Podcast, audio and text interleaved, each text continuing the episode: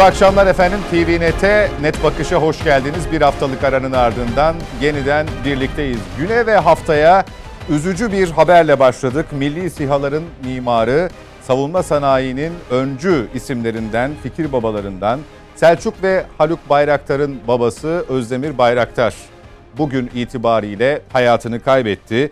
Vefat haberinin ardından çokça taziye mesajı geldi. Cumhurbaşkanı Erdoğan da Afrika turu kapsamında bir taziye mesajı yayınladı geçtiğimiz dakikalarda. Eşsiz hizmetleri unutulmayacak dedi. Biz de Net Bakış ekibi olarak merhum Bayraktar'a, rahmet ailesine ve sevenlerine, tüm Türkiye'ye başsağlığı diliyoruz. İlk bölümü merhuma ayıracağız. Ee, daha sonra gündemi konuşmaya başlayacağız. Net Bakış'ın daimi konukları Mete Yarar, Nedim Şener ve Mücahit Birinci bizimle birlikte. Hoş geldiniz. Hoş bulduk olun. Konuğumuz Ankara stüdyoda olacak. Memleket Partisi Genel Başkan Vekili Profesör Doktor Say- e, Sayın Gaye Usluer e, hazır olduğunda arkadaşlarım bildirecekler. Ben Mete Yarar'la başlamak istiyorum. Özdemir Bey'i yakinen tanıyordunuz. Yakinen Ee, demek çok iddialı bir şey olur ama son dönemde yani zaman e, geçirdiğim e, ve hani bunu yapabilmek için de özellikle e, Özdemir Bey'in e, boş zamanlarını kolladığım bir insan olarak söyleyeyim. Yoksa e, benden çok çok tanıyan insanlar. Ben son işte 2016'dan sonra Tanıyanlardan biriydiniz aslında. Öyle diyelim en doğrusu Ee, o. En e, doğrusu ama şöyle söyleyeyim. Hani e, Derya'nın yanında olmak için onunla beraber hani çok gezmek gerekmiyor. O Derya e, çok kısa sürede bile size o bütün e, ferasetini, o, o bütün güzelliklerini size geçirebiliyor. Ben onu yaşadım. E, öğrendiğim en önemli şeyden bir tanesi hiç enerjisi bitmeden e, bu süreci tamamladı. Son iki aya kadar e, rahatsızlığı olmuş olmasına rağmen performansından hiçbir şey kaybetmedi. Hatta e, sen de hatırlarsın gittiğimizde e, tansiyon aletiyle e, gezer çünkü daha önce iki defa ölümden döndü. Aort damarı e, yırtılması sebebiyle. Ona rağmen mesaisinin tamamını fabrikada geçiriyordu. Yani normalde başka insanlar başka türlü şeyler yap, yaparken o e, bu enerjisini bu enerjisini son güne kadar sürdüren bir kişiydi. Ben onu gördüm. Onda e, el emin olmayı gördüm. Bakın en önemli şeyden bir tanesi herkes ne tarif ederse etsin el emin olarak tarif edecektir e, kendisini. Üçüncüsü bu ülkenin iyi bir vatansever olarak e, tasvir edecektir. Yani sağcısı, solcusu, osu, busu ne demeden hani eğer kafalarında başka soru işaretleri yoksa yalnızca vatanseverlik çizgisinde herkesi birleştirebilen bir kişiydi. Yine Ergenekon balyoz süreci dahil olmak üzere bu kumpası çok daha önceden tespit eden ve e, içeride yatan e, komutanların yanına giden, onları kapıdan ilk çıktığında karşılayan, e, yine kumpas e, mağdurlarını eğer aynı şekilde çalışabiliyorsa beraber çalışmaktan da zevk alan bir insandı. Allah gerçekten e, gani gani rahmet eylesin diyorum. E, mekanı cennet olsun. E, şöyle bir tabirle de bitireyim. E, bugün de söyledim televizyonda size bağladım, bağlandığımda da veya buradayken de söylemiş e, söylemiştim. E, İnşallah bize hakkını helal eder diye bitireyim. Peki. Nedim Şener e, sadece Özdemir Bayraktar'ı bugün hep öyle duyuruldu. Haberler öyle geçti. İHA'larla, SİHA'larla e, hatırlamak ya da anlatmak eksik kalır. Öyle değil mi? Yani e, şimdi şöyle ben Mete ile Bayraktar grubuna bir toplantı için gittiğimizde o tanıtım için e, Özdemir Bey binadaydı ama gece geç saatti ve e, orada yatıyormuş. Yani orada yatıp kalkan bir insan. O yüzden e, hani benim şahsen tanışma şansım olmadı. E, ama çok isterdim çünkü e, çok geç haberdar oldum bir insan benim Özdemir Özdemir Bey. Ama şöyle bir şey sanki yıllardan beri tanıyorsunuz. Anadolu'da e, son derece mütevazi, tevazu içinde yaşayan e, iyi bir insan. Yani iyi bir insan. Amacı olan bir insan. Yani Özdemir e, Bayraktar mesela çiftçi olsaydı çok iyi bir çiftçi olurdu. Manavlık yapsaydı çok iyi manav. Bunu yaptı, çok iyisini yaptı. Sadece e, şöyle bir şey ilginç bir yapısı. Yani yani onun gibi olmak hakikaten herkes her baba yiğidin harcı değil. Bu kadar iş yapıp da hiç görünmeden Arkada kalmak. o arkada kalmayı bilmek var ya inanılmaz bir Anadolu feraseti yani. Kimseye İrfan, röportaj bak, vermemek. Bu nasıl bir irfandır biliyor musun? Ya insan biraz hani oluşturduğu markanın bir böyle toplumsal rantını yemek. Adam hiçbir şey olmadan palavralar sıkıyor bu ülkede.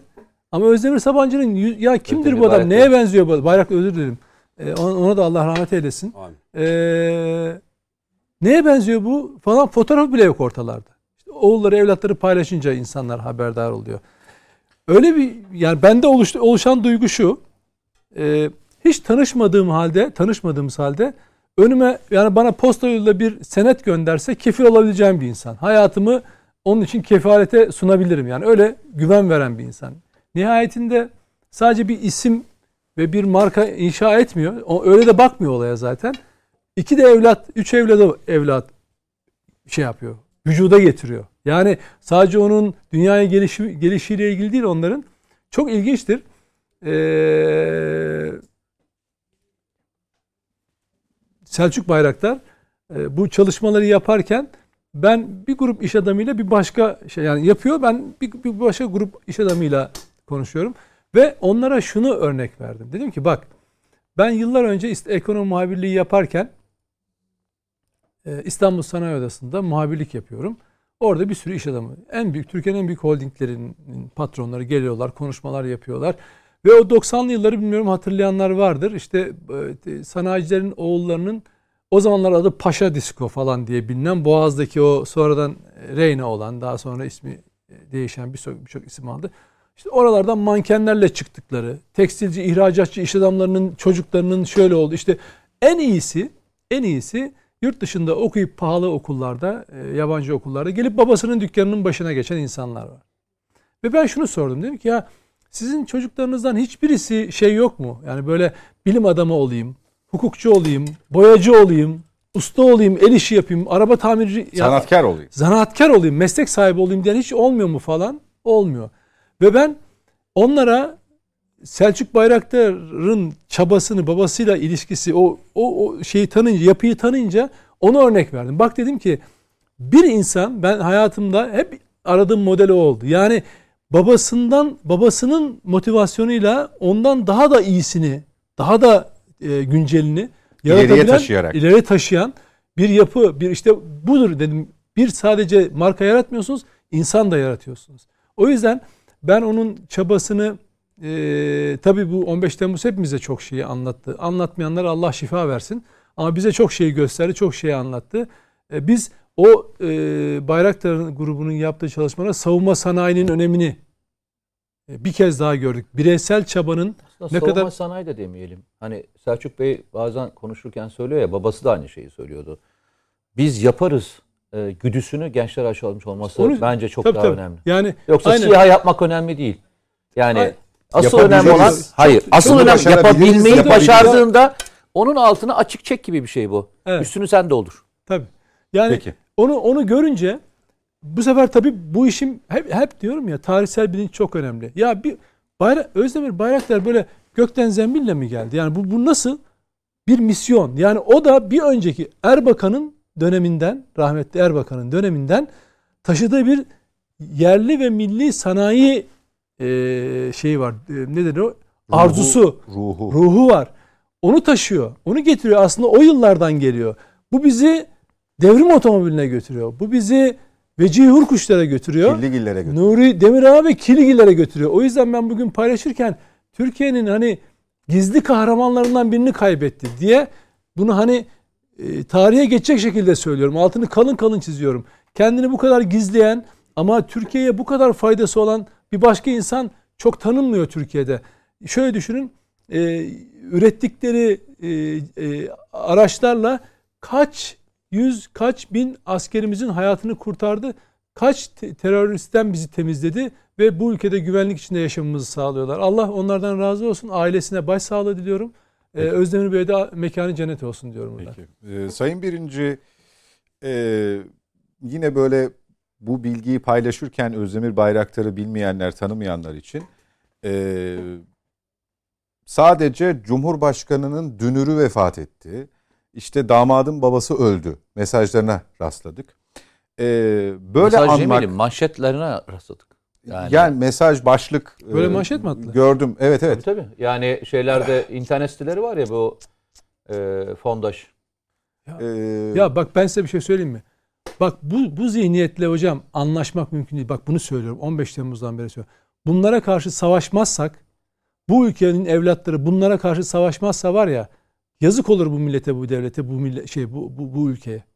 Bak bu zihniyet olamaz hocam. Böyle damadım bu. Ya senin şu dünyaya onun aldığı bir bir gün onun bir günlük e, nefesi kadar senin şu dünyaya katkın olmamıştır. Alçakça o gazeteciyim diyen namussuzlar bu başlığı atıyorlar.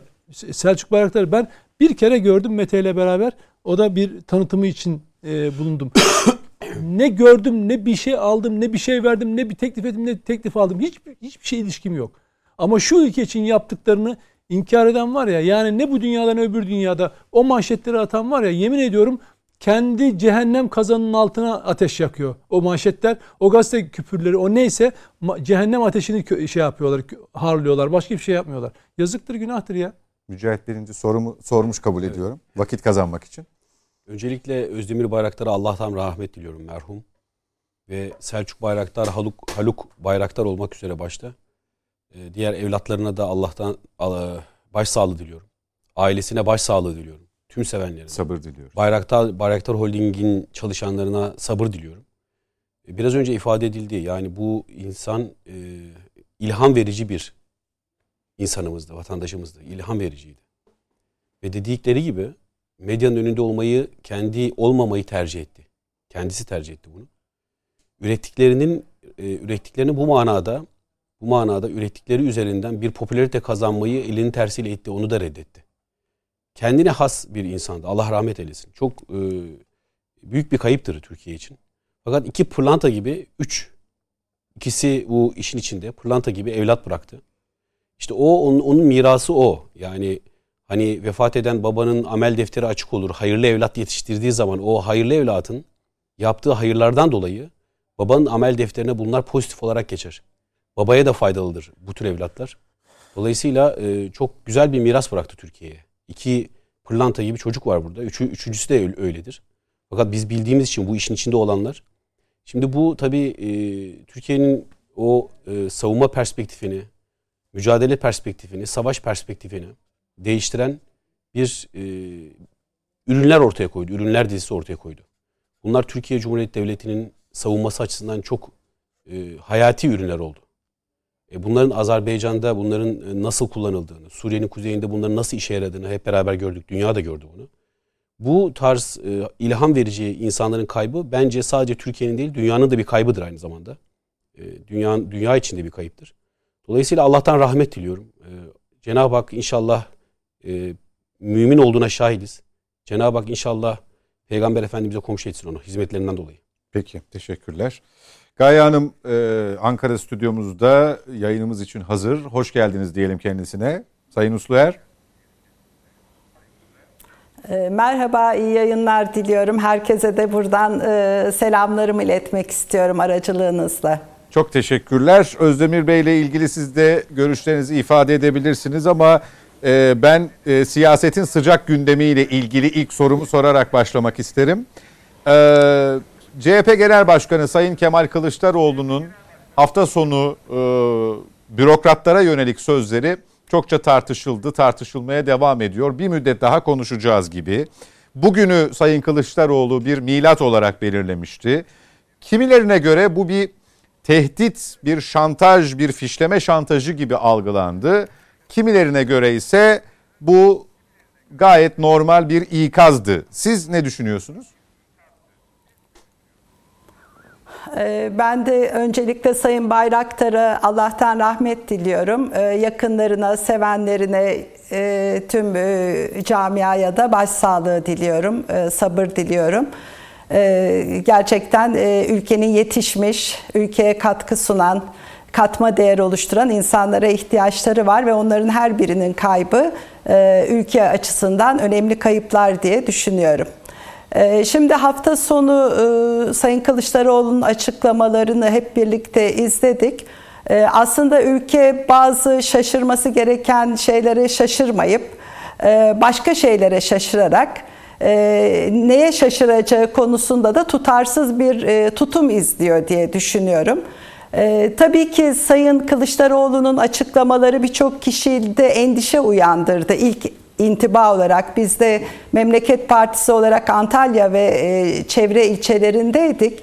E, hani ne demek istedi? Burada bir acaba tehditvari bir söylem mi var? E, pazartesi günü ne olacak şeklinde bir merak vardı. Ama hatırlayacak olursak geçen hafta e, TÜGVA'nın e, kamuda e, insanların yerleşimi konusunda e, bir yetki aldığı ve bu yetki çerçevesinde e, insanların kamuda yerleşimini sağladığına dair bir takım belgeler paylaşıldı. Esasında bu belgeler doğrudur, yanlıştır üzerine gidilmesi gerekirdi. Çünkü çok ciddi suçlamalar vardı. Ancak bu belgelerin doğruluğuyla ilgili bir e, üzerine gidilme, araştırma veya bununla ilgili bir hesap verme yerine anında e, bir gün sonra bu belgelere erişim engellendi. yine bugün e, geç saatlerde yine TÜGVA'ya ilişkin e, Türkiye'deki bütün valilerin özgeçmişlerini içeren belgelerin e, olduğu bir dosya yayınlandı. Şimdi bunların vahim iddialar olduğunu düşünüyorum. Öncelikle bunu atlayarak, bunları görmezden gelerek, bunların hakkında hiç konuşmayarak Sayın Kılıçdaroğlu'nun veya bir siyasi partinin genel başkanının söylemini tartışmanın yetersiz olduğunu düşünüyorum. E, Ben iki perspektiften baktım açıkçası Sayın Kılıçdaroğlu'nun açıklamalarına.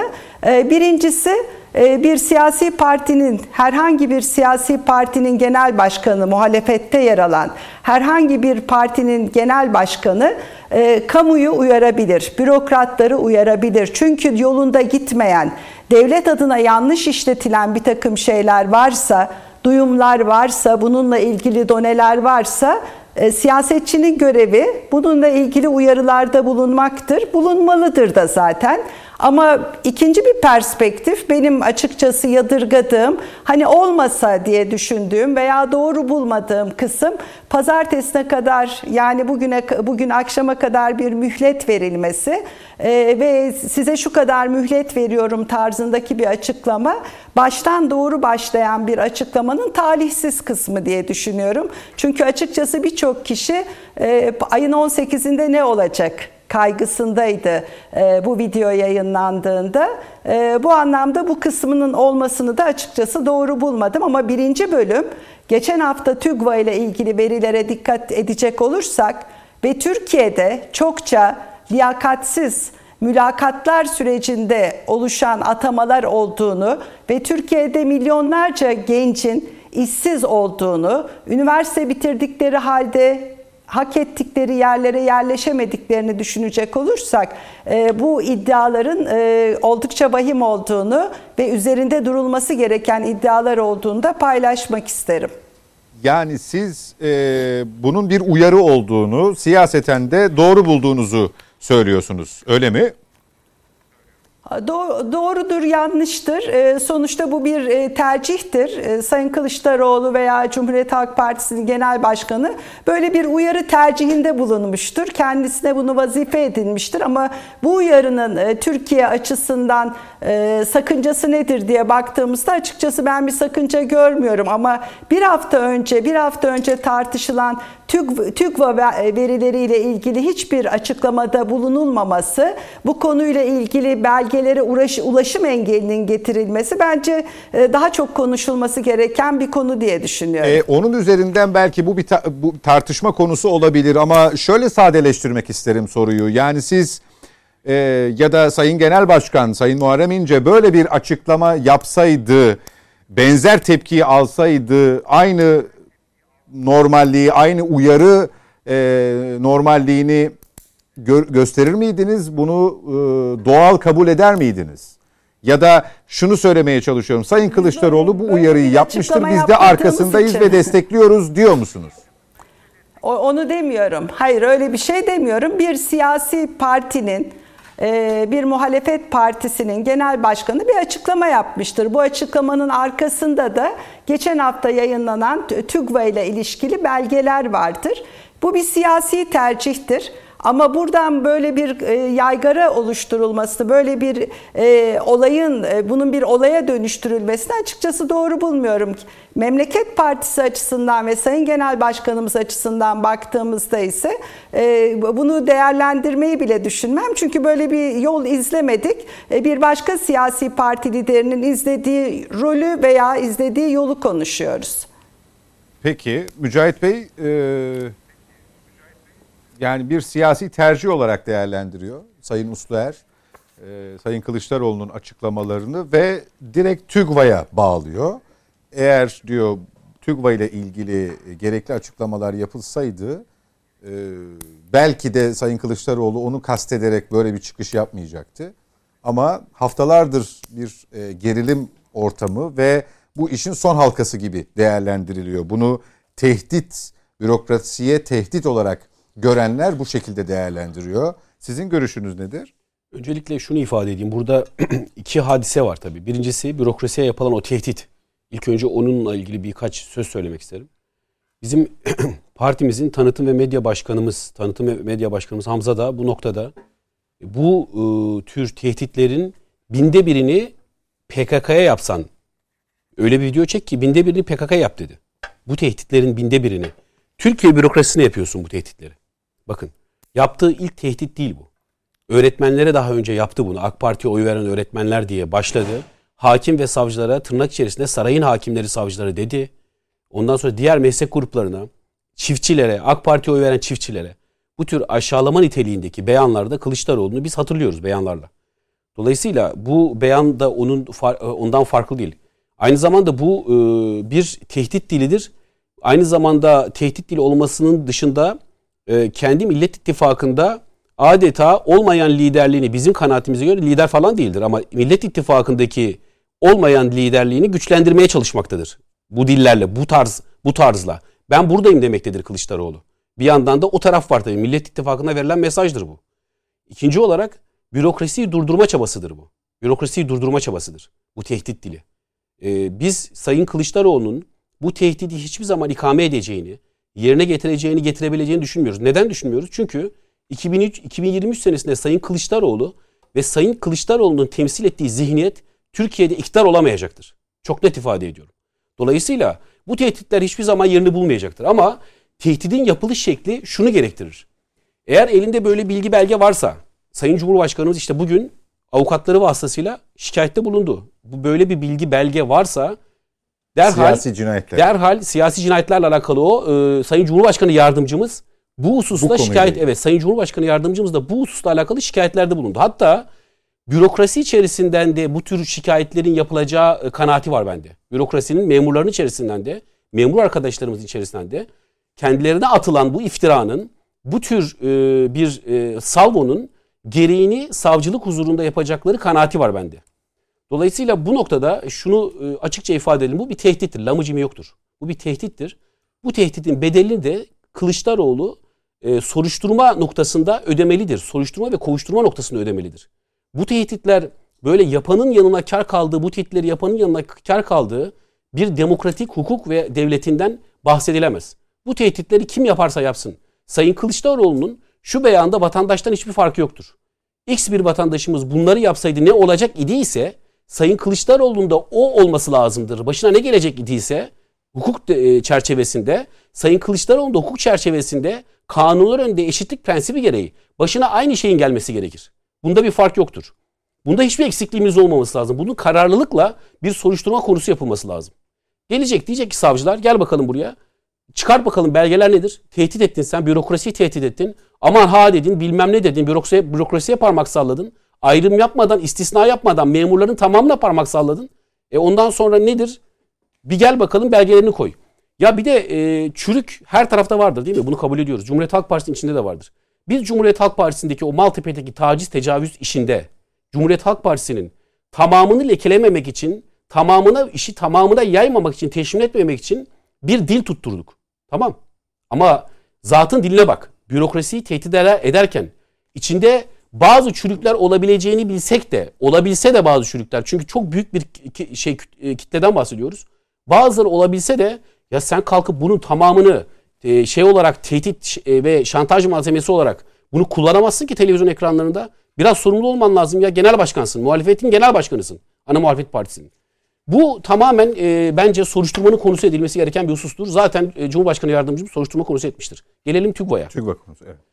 Şimdi bu TÜGVA meselesinde e, ben e, bunu açık bir şekilde 28 Şubat kafası olarak nitelendiriyorum. 28 Şubat'ın İmam Hatiplere yaptığı düşmanlığın aynısı şu anda Cumhuriyet Halk Partisi tarafından TÜGVA'ya, TÜRGEV'e ve Ensar Vakfı'na yapılmaktadır. İstisnasız.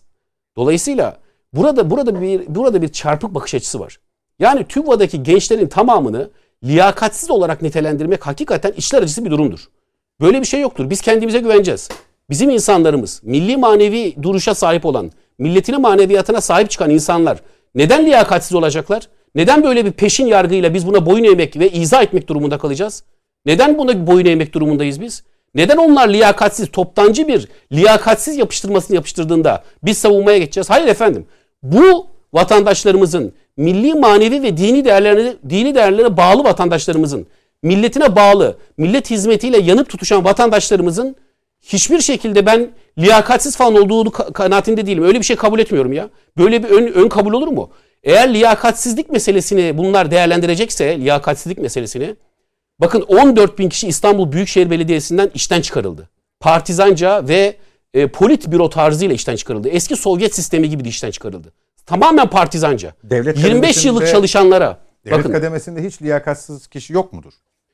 Geliyorum. Li- 25 yıllık 25 yıldır çalışanlara, 25 yıldır çalışan çalışan insanlara, çalışan insanlara şey dediler. Bankamatik memuru diye iftira atarak işten çıkarttılar. Ben onların ne hallerde işten çıkarıldığını çok iyi biliyorum. Ramazan bayramında evine erzak götüremeyen kardeşlerimi çok iyi biliyorum. Namus sözü vermesine rağmen bunu yaptılar. Kaç kişiyi aldılar biliyor musunuz? 43 bin kişiyi aldılar İstanbul Büyükşehir Bel- Belediyesi'ne ya. 43 üç- üç bin kişiyi. Burada nerede liya- liyakattan bahsedeceğiz? Yaptıkları toplantıda, video kameralara yansıyan yaptıkları toplantıda %35'ini CHP'den yani yeni alınacak e, insanların o partizanca yaklaşıma bakın ya kendileri söylüyorlar gizli saklıyor ki %35'ini CHP'den, %15'ini İyi Parti'den, %5'ini HDP'den, yüzde bilmem kaçını da diğerlerinden alacağız. Diğer unsurlardan. O dostlar dediği diğer unsurlardan alacağız diye. Beyanları var zaten. Kendi toplantılarında beyanları var. Ya bu partizanca yaklaşım yapan bir e, hareketten, bir zihniyetten biz liyakat konusunda ders alacak değiliz. Onlar kendilerine çeki düzen versinler. Dolayısıyla TÜGVA bizimdir. TÜGVA bizimdir. TÜRGEV de bizimdir. Ensar da bizimdir. Dolayısıyla biz bu noktalarda kendimize güveniyoruz. Öyle savunmada kalacak halimiz falan da yok. Ama Gaye Hanım da Sayın Kılıçdaroğlu'nun sözlerinden bağımsız e, oraya bir açıklık getirilmesi konusunda ısrarcı. Ne nasıl TÜGVA o- hadisesine nasıl e, açıklama getirecek? yani e, bir Bak, hesap e, verme gibi bir e, ifade bakın, kullandı. zannediyorum. Şimdi Serhat Bey, bunlar işin 17-25 Aralık'taki gibi sosu. 17-25 Aralık'ta nasıl e, bir sos üzerinden operasyonlar yapıldı? İşte bir e, usulsüzlük sosu üzerinden derinden devlete çok ciddi bir operasyona girişildi. Hedefin de kim olduğu belliydi 17-25 Aralık'ta. Şimdi burada da ilk önce bunlar kira meselesiyle başladılar adalarda. Bakın silsileye dikkat edin. Gözden kronolojiyi gözden kaçırmayalım.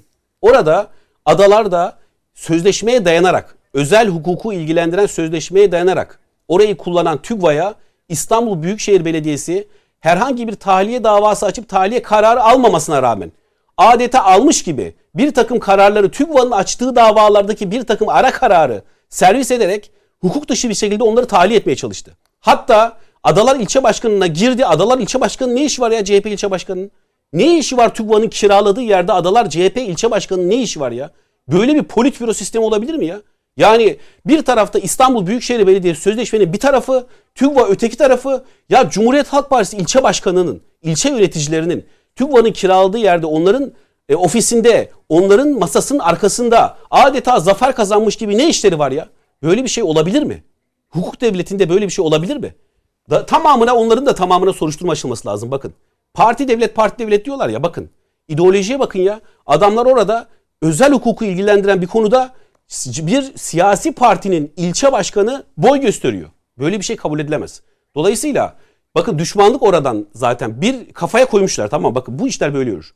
Nasıldır bu politbüro sistemi? Kafaya bir şey koyarsınız, bir şeyi hedeflersiniz. Bir şeyi şeytanlaştıracaksınızdır. İlk önce bir harekatla başlarsınız operasyonla. Ondan sonra Canan Kaftancıoğlu bir takım beyanlarda bulunur. Bakın düşmanlığa bakın.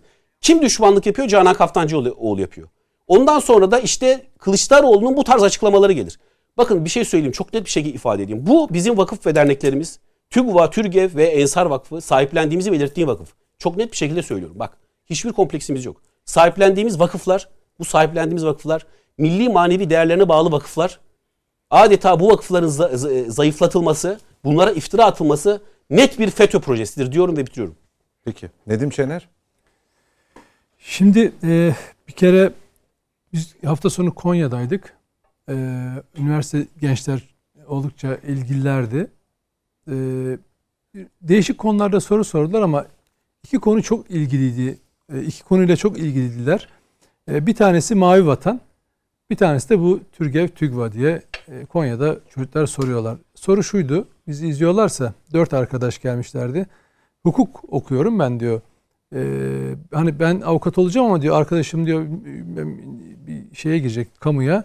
Ben işte biz diyor TÜGVA'da falan değiliz. Acaba biz bizim önümüze onlar mı geçecekler? Bak şimdi endişe oraya gelmiş. Bunun böyle olup olmadığını topluma etkili bir şekilde anlatmanın anlatılması gerekiyor. Çünkü STK'ları gayri illegal yapılardan ayıran şey nedir? Onların şeffaf olması, hukuka dayanıyor olması, hesap verebilir olması. Değil mi? Gelir gider kaynaklarını, üyelerini kamuoyuna deklare edebilmesidir. Yani STK'ları diğer yapılardan, merdiven altı yapılar deyin, isterseniz e, e, bir takım toplumsal gruplar deyin, ne dersiniz örgütler deyin, yasa dışı örgütleri de katın bunun içine. Onlardan fark, farkı budur. Dolayısıyla şeffaflık çok önemli. Bakın devlet dediğiniz şeyde liyakat çok önemli. Bugün birçok insanın üzerinde durduğu şey liyakat meselesi. Eğer oraya liyakatsız bir kişi sizin önünüze geçiriliyorsa Serhat Bey siz bunu bana anlatırsınız. Mete'ye de anlatırsınız. Mücahit Bey'e de anlatırsınız. Bizim kafamızda bir fikir oluşur çünkü önümüzde bir örnek var. Bunun böyle olmaması gerekiyor. O STK'ların kuruluş amacına uygun gençlerin zihin, şey zihni, kültürel, efendim e, ne bileyim sosyal gelişimine katkı. Bürokrasiye eğer sirayet ediyorsa yani bürokrasi üzerinde etki yaratıyorsa bakın şöyle olur biliyor musunuz? Der ki TÜGVA'ya girmiş bir çocuk o vakıflarda e, işte faaliyet gösteren bir genç sen de gel. Abi oradan gelirsek şu şuraya girmemiz daha kolay olacak. Referans olurlar falan. Ne oldu? Kendi yarattığın sistemi kendin çürütmüş olursun böylece. Dolayısıyla şeffaflık çok önemli. Siz belgeler sahte mi?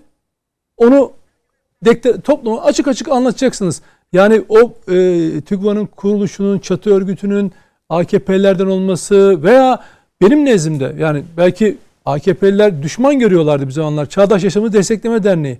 Benim nezdimde şeffaf, hesap verebilir şey. Bir zamanlar ona ihtira atıyorlardı. Hatırlayacaksınız. Ona da yerle eksan ediyorlardı. Akıl almadık saçma iftiralar ve hatta biliyorsunuz Ergenekon gibi bir kumpas davası bile kuruldu Türkan Saylan'a. Yapılanları hepiniz hatırlıyorsunuz. Dolayısıyla Bundan kaçınmak lazım ve şeffaf hesap verebilir olmak lazım. İkincisi bu konuda başı gazeteciler çekiyor. Yani bu konuda gazeteci olarak kamuoyuna mal, mal olmuş insanlar bazı belgeler. İki tarafı dinlemek lazım bu konuda. Tamam diyeceksiniz ki e, açıklama yapıyorlar ya evet ben takip ediyorum. İki tarafı da takip ediyorum. Ve e, TÜGVA'nın mesela e, TÜRGEV ya da işte hangisi bilmiyorum e, bir takım e, Excel dosyaları olduğunu e, birileri yazdı. Bir dedi ki böyle bir dosya yok. Bizde böyle bir şey oluşmadı dedi. Şimdi deminden Gaye, Gaye Hanım'ın e, anlatımından sonra valilerle ilgili bir açıklama yapmış mı diye şey yaptım. E, baktım. Mesela bu konuyu araştıran gazetecilerden bir tanesi şunu yazmış. TÜGVA ile ilgili yeni belgeleri inceliyorum. Anlamadığım bir durum var. Tüm valilerin özgeçmiş bilgileri ayrıntılı şekilde araştırıp kayıt altına alınmış. Bakanlık bunu yapar. Kamu yararına çalışan bir vakıf neden valilerin özgeçmişlerini şey yapsın diye. Şimdi eğer dikkatli bir gözseniz o kişinin paylaştığı bir valinin özgeçmişiyle ilgili fotoğrafın montaj olduğunu orada anlarsınız. Ben ilk gördüğüm zaman bir montaj oldu. Çünkü buna benzer daha önce e, birçok AKP'li üst düzey siyasetçilerin baylok listesi diye bir takım listeler gönderilmişti. Ama çok aktüel fotoğraflar konmuştu. Yani yapan çok ustaca yapmış ama fotoğrafları vesikalık yani meclis albümünden veya bir şeyden almak yerine günlük hayatından çekilmiş fotoğrafları koymuş. Ha, bu dedim burada bir kurgu var ama olsun ben yine de kaynağından araştırayım diye ilgili daireyi aradım. Ve dediler ki bunlar sahte herkese dolaştırıyorlar gazetecileri yemliyorlar böyle falan diye. Şimdi burada da valilerle ilgili TÜGVA'nın açıklamasını okuyayım. TÜGVA'da hiçbir birimde hiçbir zaman böyle bir arşivleme olmamıştır. Yani valilerle ilgili kaynağını ve ne olduğunu bilmediğimiz ve ilk defa gördüğümüz tamamen kumpasın parçası olarak servis edilmiş sözde dokümanları TÜGVA ile ilişkilendiren herkesle ilgili hukuki süreçten bahsediyor. Dolayısıyla yani ortada bir takım belgeler var. Yani belge denilen hazırlanmış dokümanlar var. Bir tarafta bunu kullanan, etkili bir şekilde kullanan ve gazetecilik e, mesleğini yapan insanlar var. Öbür tarafta kurum var. Yani basit olan şu değil mi?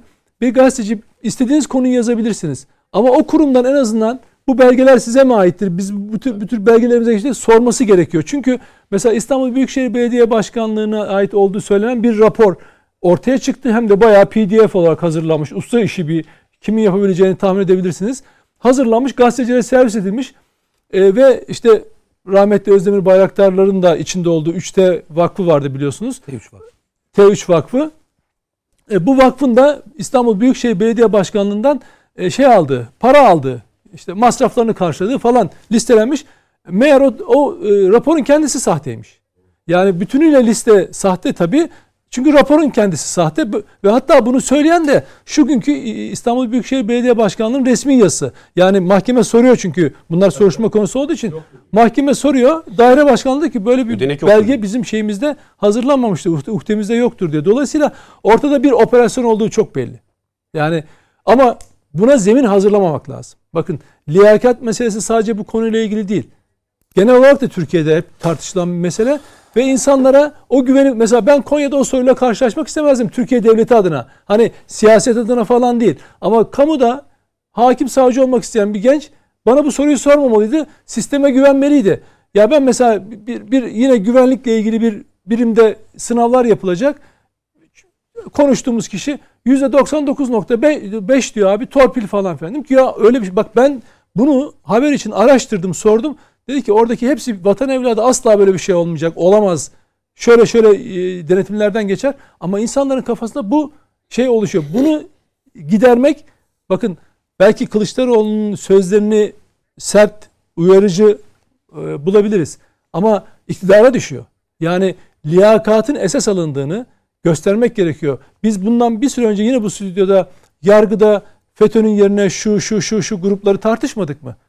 Hiç, e, diğer bakanlıklarda şunlar şunlar oluyor demedik mi? Ya da Sağlık Bakanlığı'nda şu şu şu gruplar demedik mi? Bunları tartışmadık mı? Hatta bırakın bizi yani Diyanet İşleri Başkanlığı'nın bu konuda hazırladığı raporlarda o oralara sirayet etmiş e, gruplardan bahsetmiyor mu? Hatta X grubu Y grubu hakkında bilgiyi paylaşmıyor mu? Oralara şunlara şunlara girdiler. Hatta çok tanınan e, şeyler e, hocalar çıkıp şu gruplar şu gruplar şuralarda faaliyette bulunuyorlar demiyorlar mı? Yani bunlar oraya nasıl geliyor, nasıl alınıyor?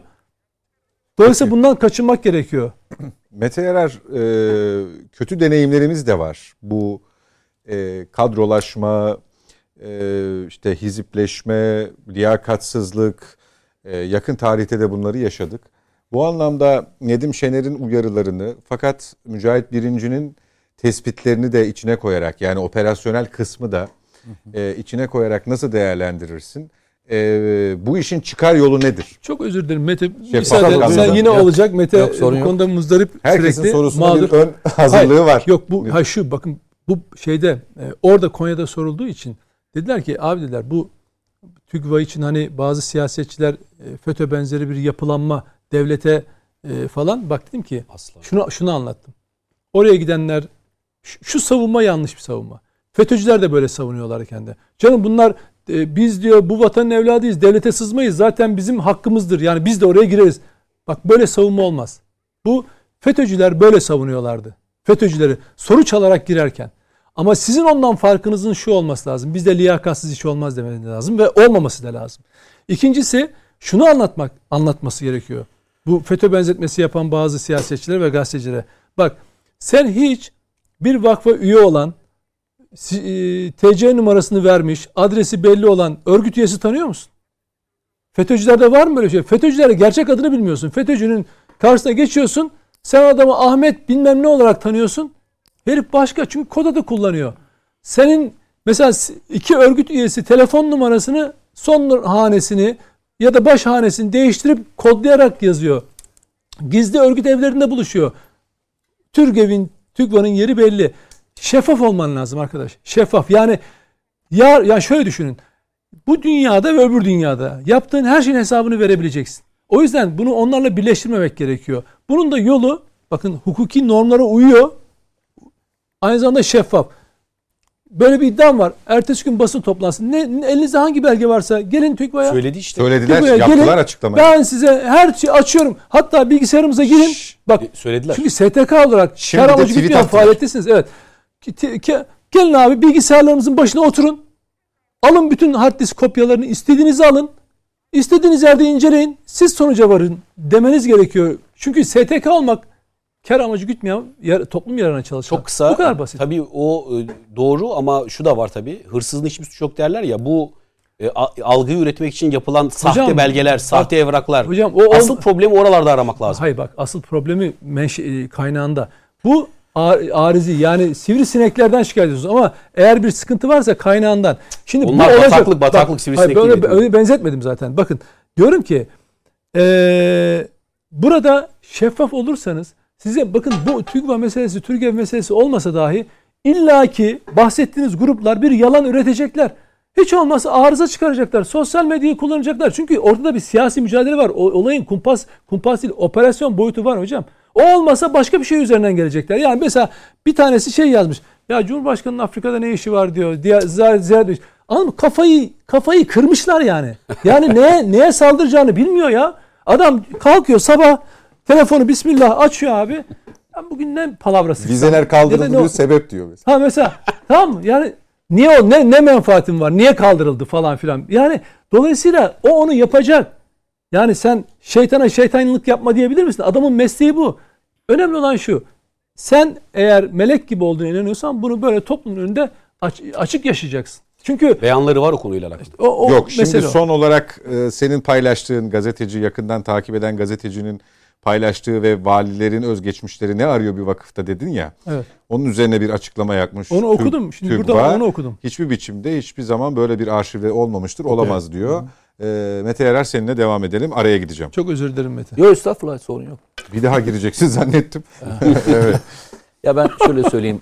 Ee, bazen e, toplantılara gittiğimizde güven duygusu kavramı üzerinden, güvenlik duygusu kavramı üzerinden çok sorular sorulur. Yani e, insanların güvenlik dediğinde algılamış oldukları şey yalnızca adli e, pardon e, işte PKK terör örgütü saldırının azalmış olması, IŞİD saldırının azalmış olması, FETÖ tehlikesinin geçmiş olması değildir.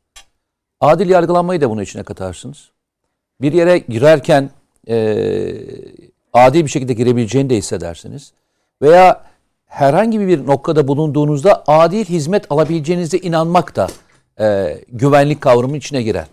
İnsanların en önemli sıkıntılarından bir tanesi kendisi ve sevdiklerinin e, gelecekteki yaşamlarıyla ilgili kurgusunda sıkıntı olmayacağını düşünmektir.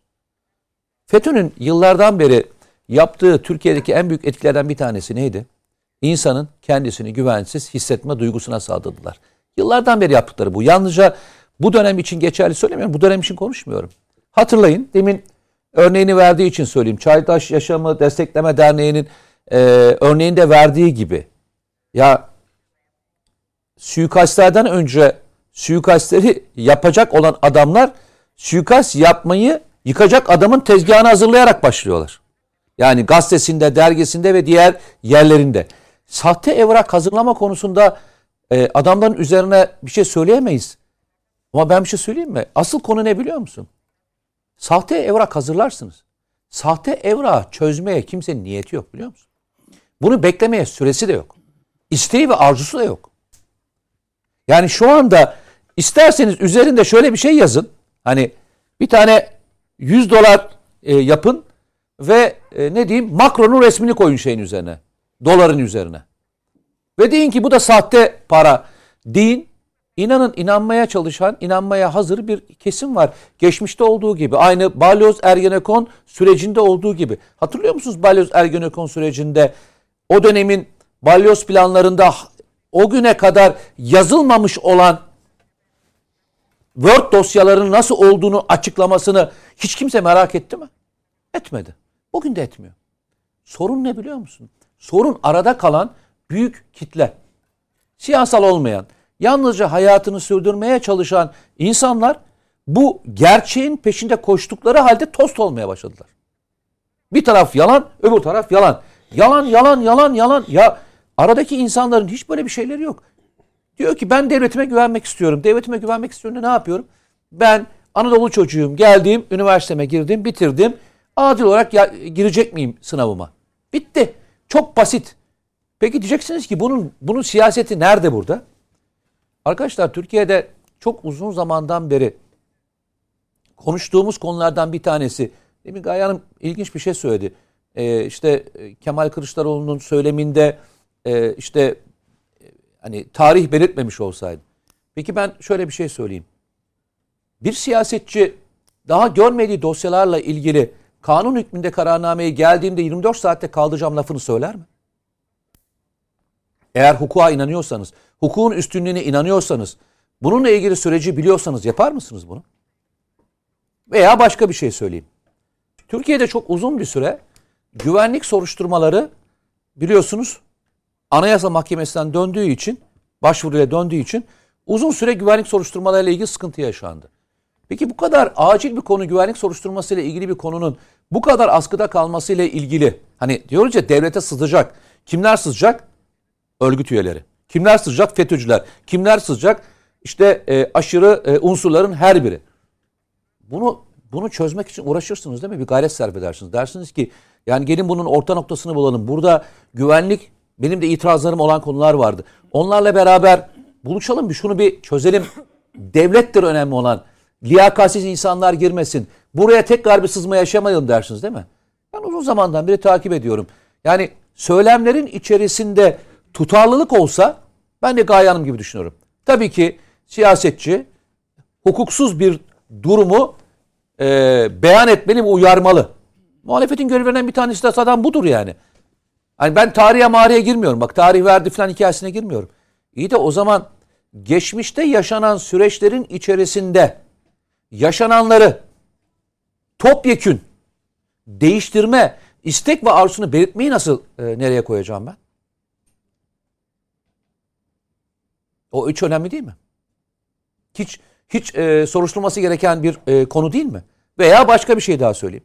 Zaman zaman e, bütün siyasi partilerin başına geliyor. Örnek vereyim. İnsanlar, siyasetçiler farklı farklı insanlarla fotoğraf çekilebiliyorlar değil mi? Hani bir öyle gidiyorsunuz bir yerde fotoğraf çektiriyorsunuz. Hani ben biraz daha öteye geçeyim.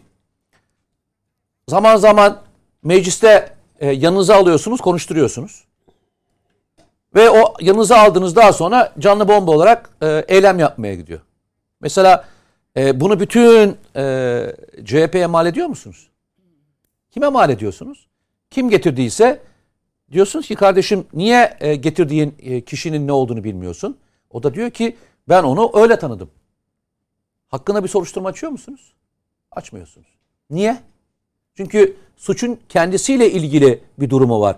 Eğer suçun içerisinde yer alıyorsanız bununla ilgili suçlamada bulunmuyorsunuz değil mi? Ben onu anlamıyorum.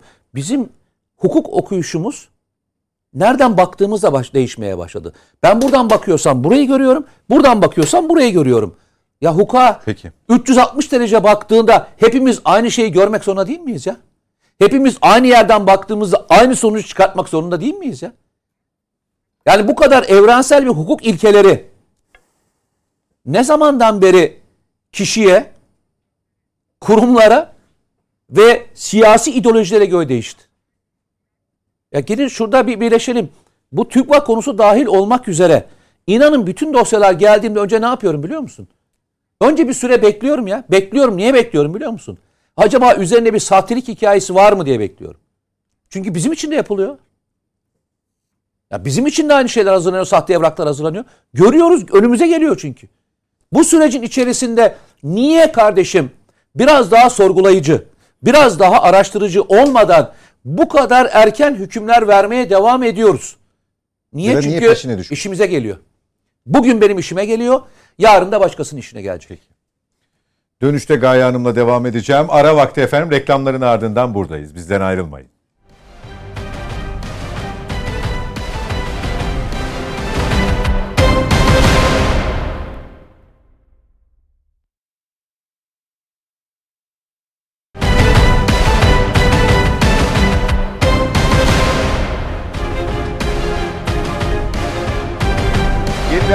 Birlikteyiz efendim. Net Bakış'a devam ediyoruz.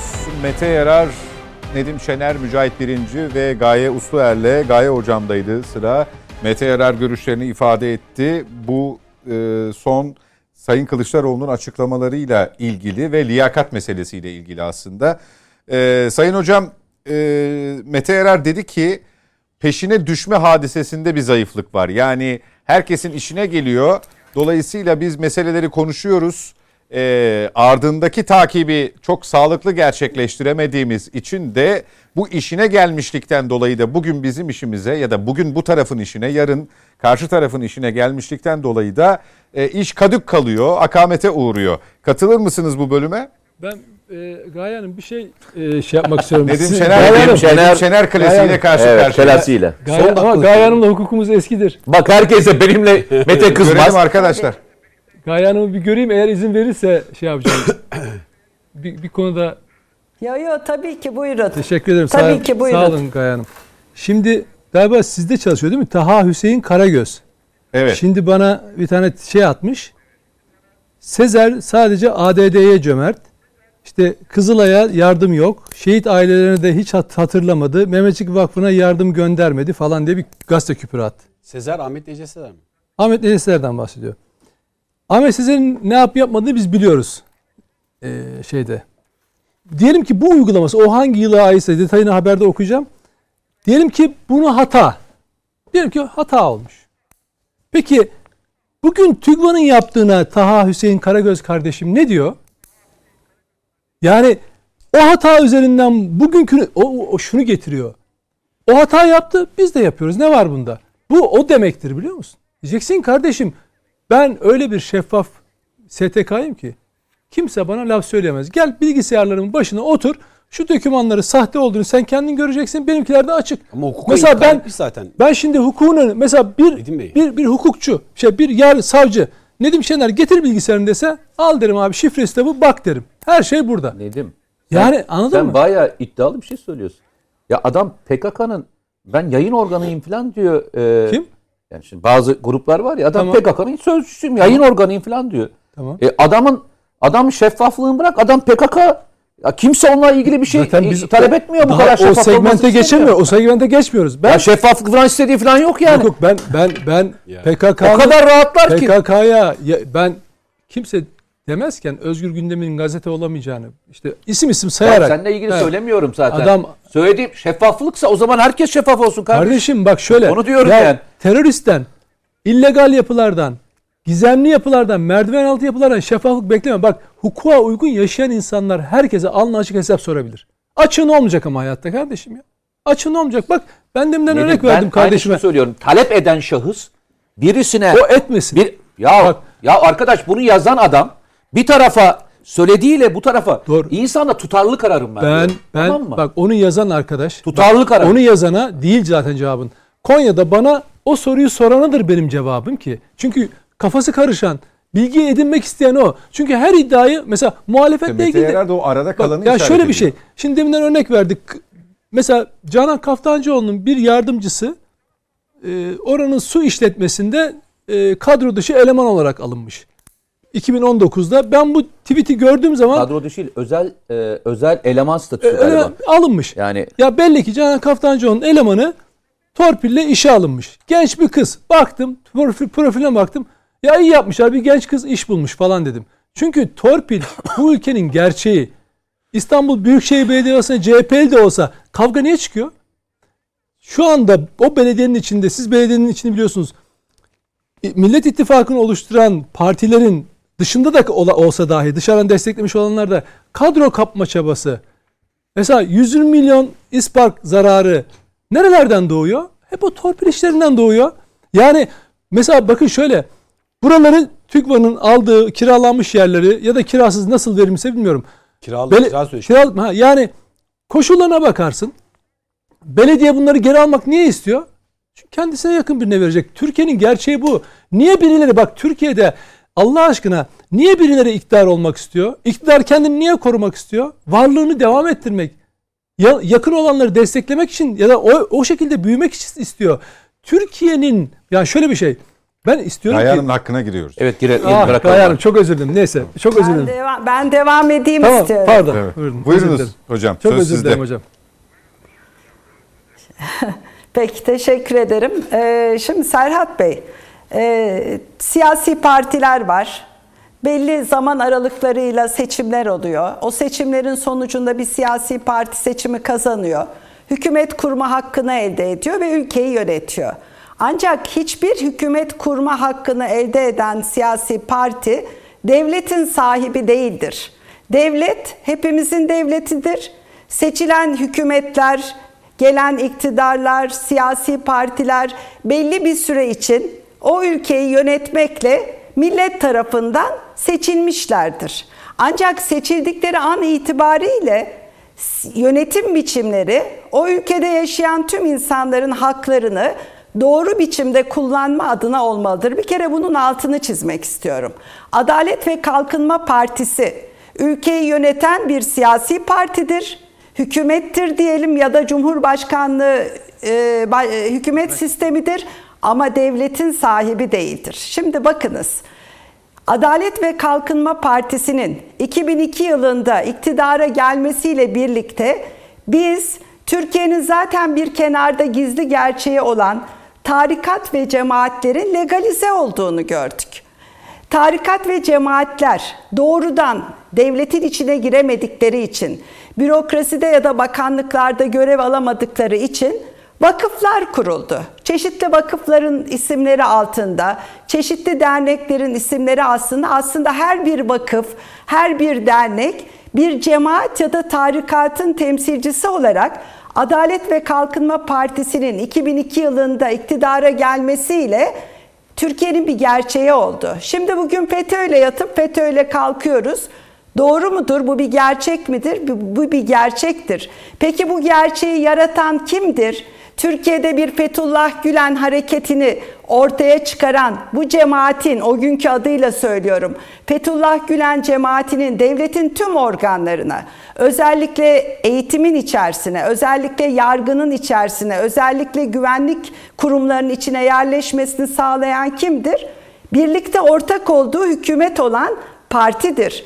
Ve o zamana kadar yani 2013 yılına kadar ve 2016'daki darbe girişimine kadar muhalefet partileri bu işbirliğine son verin. Devletin içine cemaatleri, tarikatları durdurmayın uyarılarında bulunmalarına rağmen 2016 darbe girişimi Adalet ve Kalkınma Partisi'ni kendi yarattığı canavarla yüzleştirmiştir ve demiştir ki aldatıldık ey halkım bizi affet Rabbim de bizi affetsin. Bakın Türkiye'nin gördüğü zarar o kadar büyüktür ki Sayın Nedim Şener Ergenekon ve balyoz süreçlerini e, en acı şekilde yaşayan kişilerden birisidir ve çokça kişi vardır. Peki Türkiye'ye bu acıları yaratan 2010 yılında e, referandumla Hakimler Savcılar Yüksek Kurulu diye bir kurulun oluşmasıyla yargıyı kendisine bağlayan Fethullah Gülen cemaati ise Fethullah Gülen cemaatine bu yolu açan kimdir? Bir kere bunların hesabını vermek lazım. Evet bugün FETÖ gitti ama siz FETÖ'nün yerine adını Türgev koyun, TÜGVA koyun, Ensar Vakfı koyun, METÖ'leri getirdiğinizde bir gün o METÖ'lerde sizin karşınıza baş belası olarak çıkacaktır. Şimdi TÜGVA Vakfı ile ilgili belgelerin sahte olduğu konuşuluyor. Sahte olabilir mi? Evet olabilir. Ama aynı bir siyasi parti genel başkanının söylemi üzerine nasıl ki soruşturma açıldıysa o TÜGVA belgeleri de kamuyla paylaşılan belgeler de delil niteliğinde sayılıp soruşturma açılsaydı ve diyelim ki süreçte belgelerin doğru olmadığı kanıtlansaydı o belgeleri sunan kişiler cezalandırılmaz mıydı? Cezalandırılırdı. Peki devlet, devleti yöneten insanlar nasıl bir yol çizdiler? Belgelere erişimi yasaklayarak. Şimdi bir şeye erişimi yasaklıyorsanız siz orada bir şeyin görünmesini istemiyorsunuz anlamına gelir. Benim 2015-2018 yılları arasında yaşadığım çok hazin iki olayı bu vakıflar bağlamında paylaşmak isterim. Bakın 2012-2015 yılları arasında Karaman'da Ensar Vakfı'na ait bir vakıfta 10 çocuğa, 10 erkek çocuğuna düzenli bir şekilde tecavüz edildiği ortaya çıktı. Hatırlayın. Çok hazin bir olaydır. Hepsi fakir ailelerin çocukları ve zorunluluktan çocuklarını oraya vermişler ve dönemin aile bakanı çok hazin bir açıklama yaptı ya da çok talihsiz bir açıklama. Dedi ki bir defadan bir şey olmaz. Aslında her şey bir defa ile başlıyor.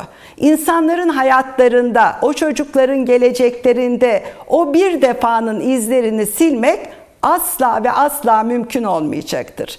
Gelelim Adana'nın Aladağ ilçesinde gene bir tarikat yurduna bağlı olan, e, bir tarikata bağlı olan, bir vakfa bağlı olan e, cemaat yurdunda çıkan yangında hayatını kaybeden 12 kız çocuğuna. Şimdi vakıflar kurulabilir mi? Kurulabilir. Dernekler kurulabilir mi? Kurulabilir ki onlarca yüzlerce dernek vakıf var.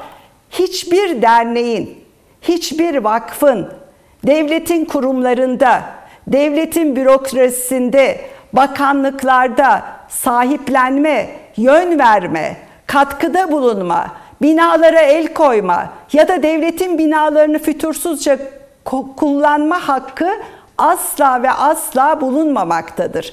Bakınız TÜGVA e, Sayın Mücahit Bey dedi ki TÜGVA, TÜRGEV, Ensar bizimdir olabilir. Öte taraftan başkaları da diyebilir ki biraz önce Sayın Şener'in örnek verdiği gibi Çağdaş Yaşamı Destekleme Derneği, Atatürkçü Düşünce Derneği ve bunları çoğaltabiliriz. Bu dernekler de bizimdir. Konu bu değil. Hiçbir derneğin devletin yönetiminde er konumuna geçmemesi gerekir. Örneğin değerler eğitimi adı altında bu ülkedeki liselerde TÜRGEV ya da TÜGVA'nın eğitim verme hakkı yoktur. Hiçbir veli bu değerler eğitimi altında çocuklarına belli fikirlerin empoze edilmesini istememektedir.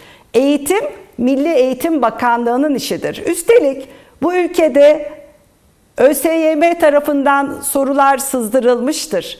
Bu ülkede ÖSYM tarafından sorular dağıtılmıştır. Sahte doçentlik belgeleri verilmiştir. Bunların hepsini FETÖ'ye bağlarsak haksızlık etmiş oluruz.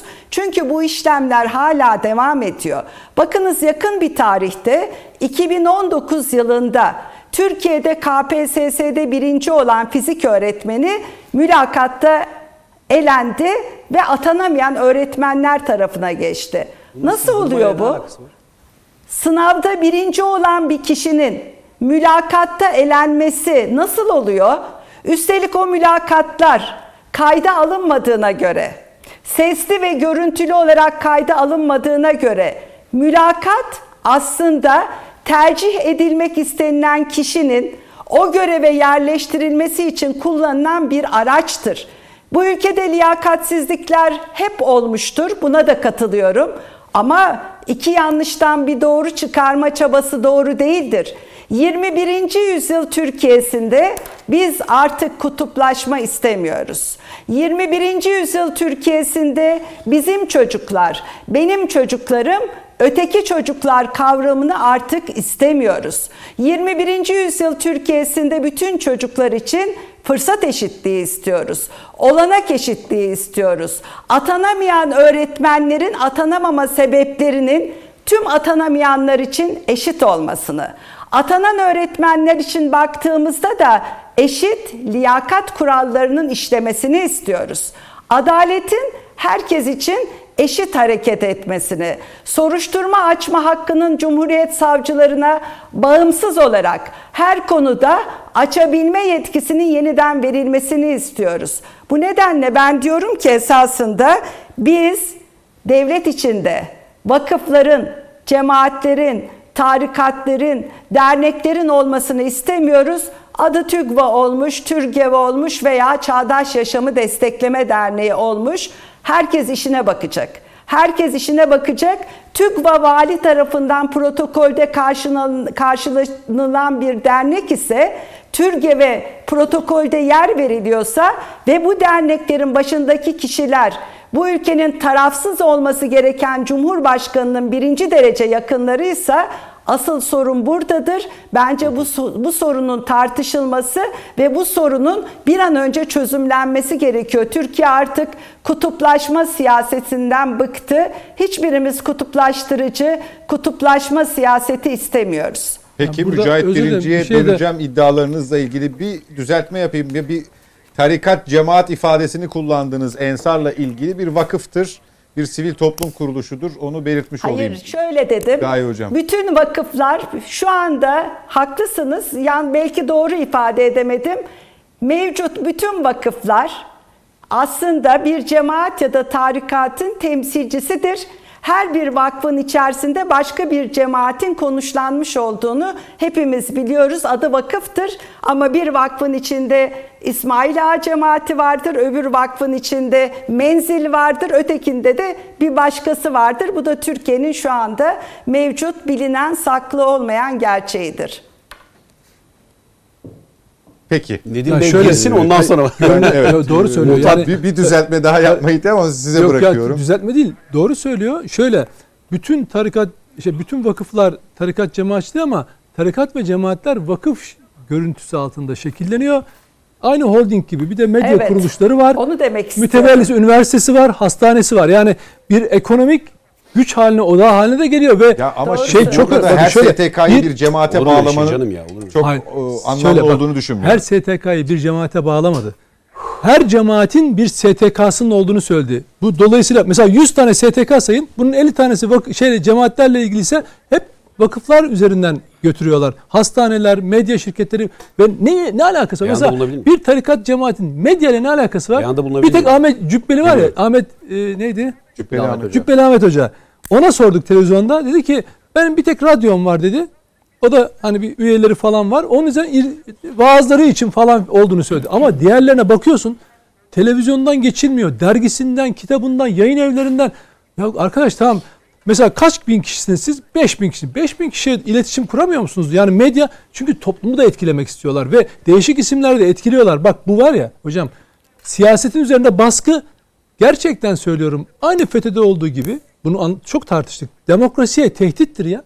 Yarın çünkü polisin içinde, sağlık sektörünün içinde, maliyenin içinde, eğitimin içindeki o yapılar size kafa kaldırır. Ağzınızı açamazsınız. Cumhurbaşkanı seçilirsiniz ama Cumhurbaşkanı olamazsınız.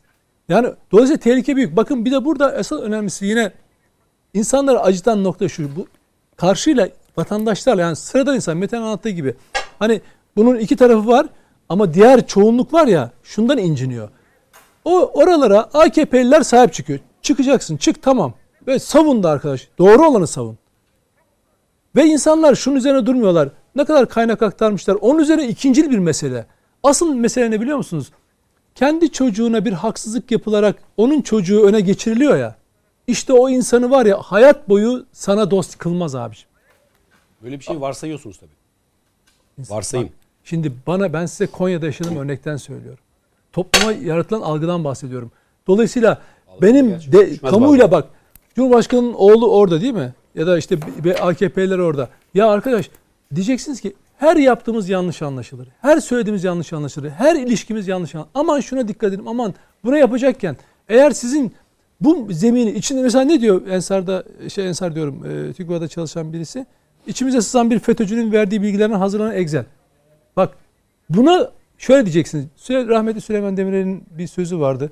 Siyaseti yaparken ben tuvalete girerken bile dikkat ederim. Sanki 8 kamera varmış gibi yaşarım. Bak biz ben öyle yaşarım. Biz öyle yaşarız. Bunu niye yaparız? Aman bize laf gelmesin. Aman bizim yaptığımız işe laf gelmesin hocam. Çünkü kamuya açık olan insan herkesin hesabını vermeli. Size arada anlattım. Her yıl e, mal beyanı veriyoruz biz ya. Ma- 1 liralık artışımız varsa 1 liramız bunu bildirmek zorundayız biz devlete. Ben gazeteci köşe yazarı olarak bunu yapıyorken STK'dan bunu beklerim. Niye biliyor musunuz? tamamı için Sizin ama hepiniz mi? bak siz iste- Şimdi ADD'nin de dergisi var mesela. Kesinlikle. Hayır bakın eğer devlete ADD adam kayırıp sokuyorsa ÇYD Dedin ya Çağda- medyada ne işi Tabii, var falan diye. Hayır şu Atatürkçü Düşünce şu- Derneği'nin o dergisi onun var. kendi örgüt yayını olabilir. Ben toplum üzerine konuşuyorum. Diyorum ki bu ki Çağdaş Yaşama Destekleme Derneği'nin aynı Gaye Hanım'ın söylediği gibi devlette ayrımcılık yapacak bir noktaya gitmişse eğer tercih sebebi haline getirilmişse güç odağı haline çevir- buna el- elbette ben de karşı çıkarım. Çünkü niye? benim hiçbir yakınımın e, e, yasama de- derneğinde değil. O derneği yerini bile bilmiyorum. Ya da başkası da niye oraya gitmek kendini ifade etmek zorunda kalsın? Bir muhafazakar bir insan oraya niye gitsin? Ya da e, işte kendini öyle hissetmeyen insan niye Türgev'in kapısına bir adam bulmaya e, çalışsın? Bundan kaçınmak lazım. Ya bu ya o kadar basit ki, o kadar şu ülkede yaşamak o kadar huzurlu ki aynı Gaye'nin anlattığı gibi var ya. Devlette diyeceksin ki ben hiç ilişki şey yapmayacağım. E, sadece toplum yararına ya. Deminden Özdemir Özdemir e, Bayraktar örnek verdi. Bak öyle yaşayacaksın. Çok güç sahibi olacaksın, göstermeyeceksin ve tavazu içinde yakla- yaşayacaksın abi. Peki. Söz hakkım bugünlük bitti diyormuşum. Mücahit Birinci. Gerçekten bitirebileceğini zannediyor musun? Hiç inanmıyorum. Ben de, de inanma. Ben evet. Siz Konya'da Konya'da görseydiniz ne yaptın Mete? Evet. Mücahit Bey cevap verecek. Hem Tabii. Gaye Hanım'a hem Nedim Bey'e. Tabii şöyle, şimdi e, bir kere tartıştığımız mevzunun sac ayaklarını yerine oturtmamız lazım. Birincisi, bizim parti tüzüğümüz açıktır. Devletin erkini kullanacak güçler bellidir. Dolayısıyla devletin erkini kullanırken herhangi bir başka güç unsurunun, bunun ismine ne derseniz deyin, burada iddialı olması anayasaya ve anayasa hukukunun temellerine aykırıdır. 2011'de bir e, sosyal medyada paylaşım yapmıştım. O zamanlarki cemaat olarak anılıyordu bu habis terör örgütü. E, burada işte devletin adeta dördüncü erki gibi bundan bahsetmek, bunlardan bahsetmek anayasa hukukuna, anayasaya aykırıdır demiştik. Bu doğrudur. Bu hiçbir zaman e, değişmeyen, bunu genel geçer bir kural, olarak kabul ederiz. Bunda bir beis yok. İkinci husus şu.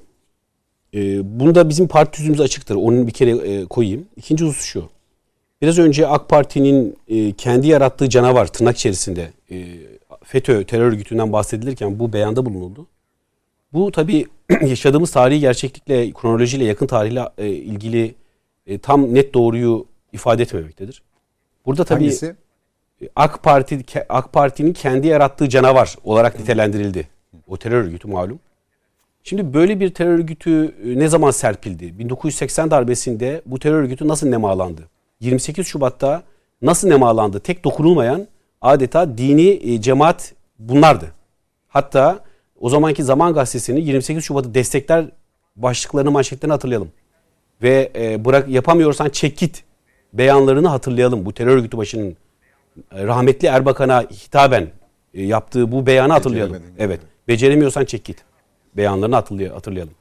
Dolayısıyla böyle bir sistemden bahsediyoruz ki CIA'in e, Türkiye'ye soktuğu tamamı devşirilmiş. En azından yönetim kadrosu devşirilmiş bir yapıdan bahsediyoruz. Dolayısıyla zaten e, bu yapının amacı işte bugün burada tartıştığımız şey. Yani bu yapının en büyük zararı bu Türkiye'deki e, belki İslam hizmetinden farklı bir düşüncesi olmayan cemaatlere bazı e, bühtanlar atılabilsin diye bir zemin oluşturmaktı ki onda bir, ne- bir noktada başarılı oldular açıkçası. Ben bu tartışmalardan görüyorum bunu. Bu, bu ve bunun gibi benzeri tartışmalardan. Yani adeta FETÖ'nün yaptığı habis iş bütün cemaat ve tarikat yapılanmaları üzerinde adeta bir sopa olarak kullanılıyor. Bunun ne kadar adil, ne kadar adaletle bağlı olduğunu aslında bir kendimizi durdurup düşünmemiz lazım. Yani bu cemaat ve tarikat yapılanmalarına, İslam hizmetinden başka da derdi olmayan cemaat ve tarikat yapılanmalarına, cemaat ve tarikatlara, yapılanma da ne garip bir söz. Cemaat ve tarikatlara ki Türkiye'nin Osmanlı döneminden bir gerçeği olan, derinlikleri olan, felsefi ve tasavvufi derinlikleri olan yapılara siz işte bu bühtanı atarsanız adeta işte siz FETÖ benzeri bir yapılanmasınız. FETÖ benzeri e, devlette örgütleneceksiniz. Anayasal olarak hiyerarşik üstünüzün değil şeyhinizin veya işte cemaat liderinin emrine al- alıyorsunuz gibi bühtanları serdetmek kanaatimce çok adil değil. Varsa böyle bir durum, böyle bir durum varsa devlet ne yapar? Devlet gereğini yapma kurumudur zaten. Bunların gereğini yapma kurumudur.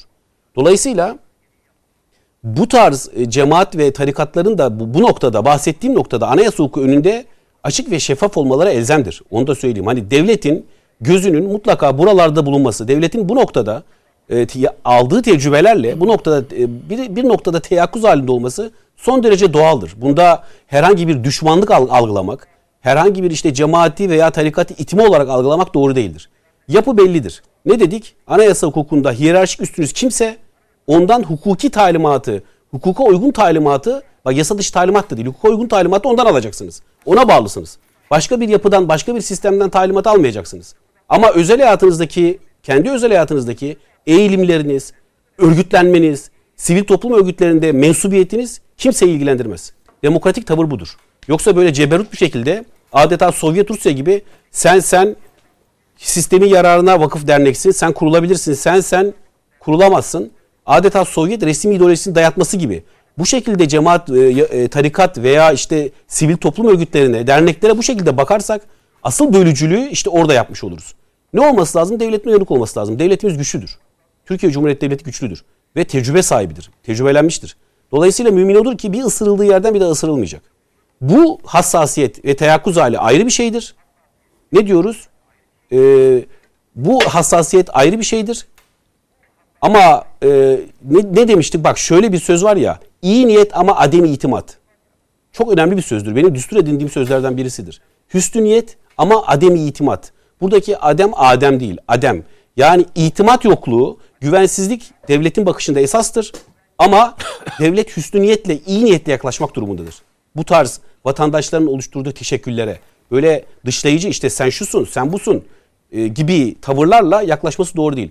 Bakın genel bir şey söylüyorum. Sadece e, İslam noktasında hassas, müte, müte, hassas, mütedeyyin Referansı insanların kurduğu İslam değil, değil. öyle değil. Bütün tamamına teşmil söylüyorum bu söylediğim şeyi.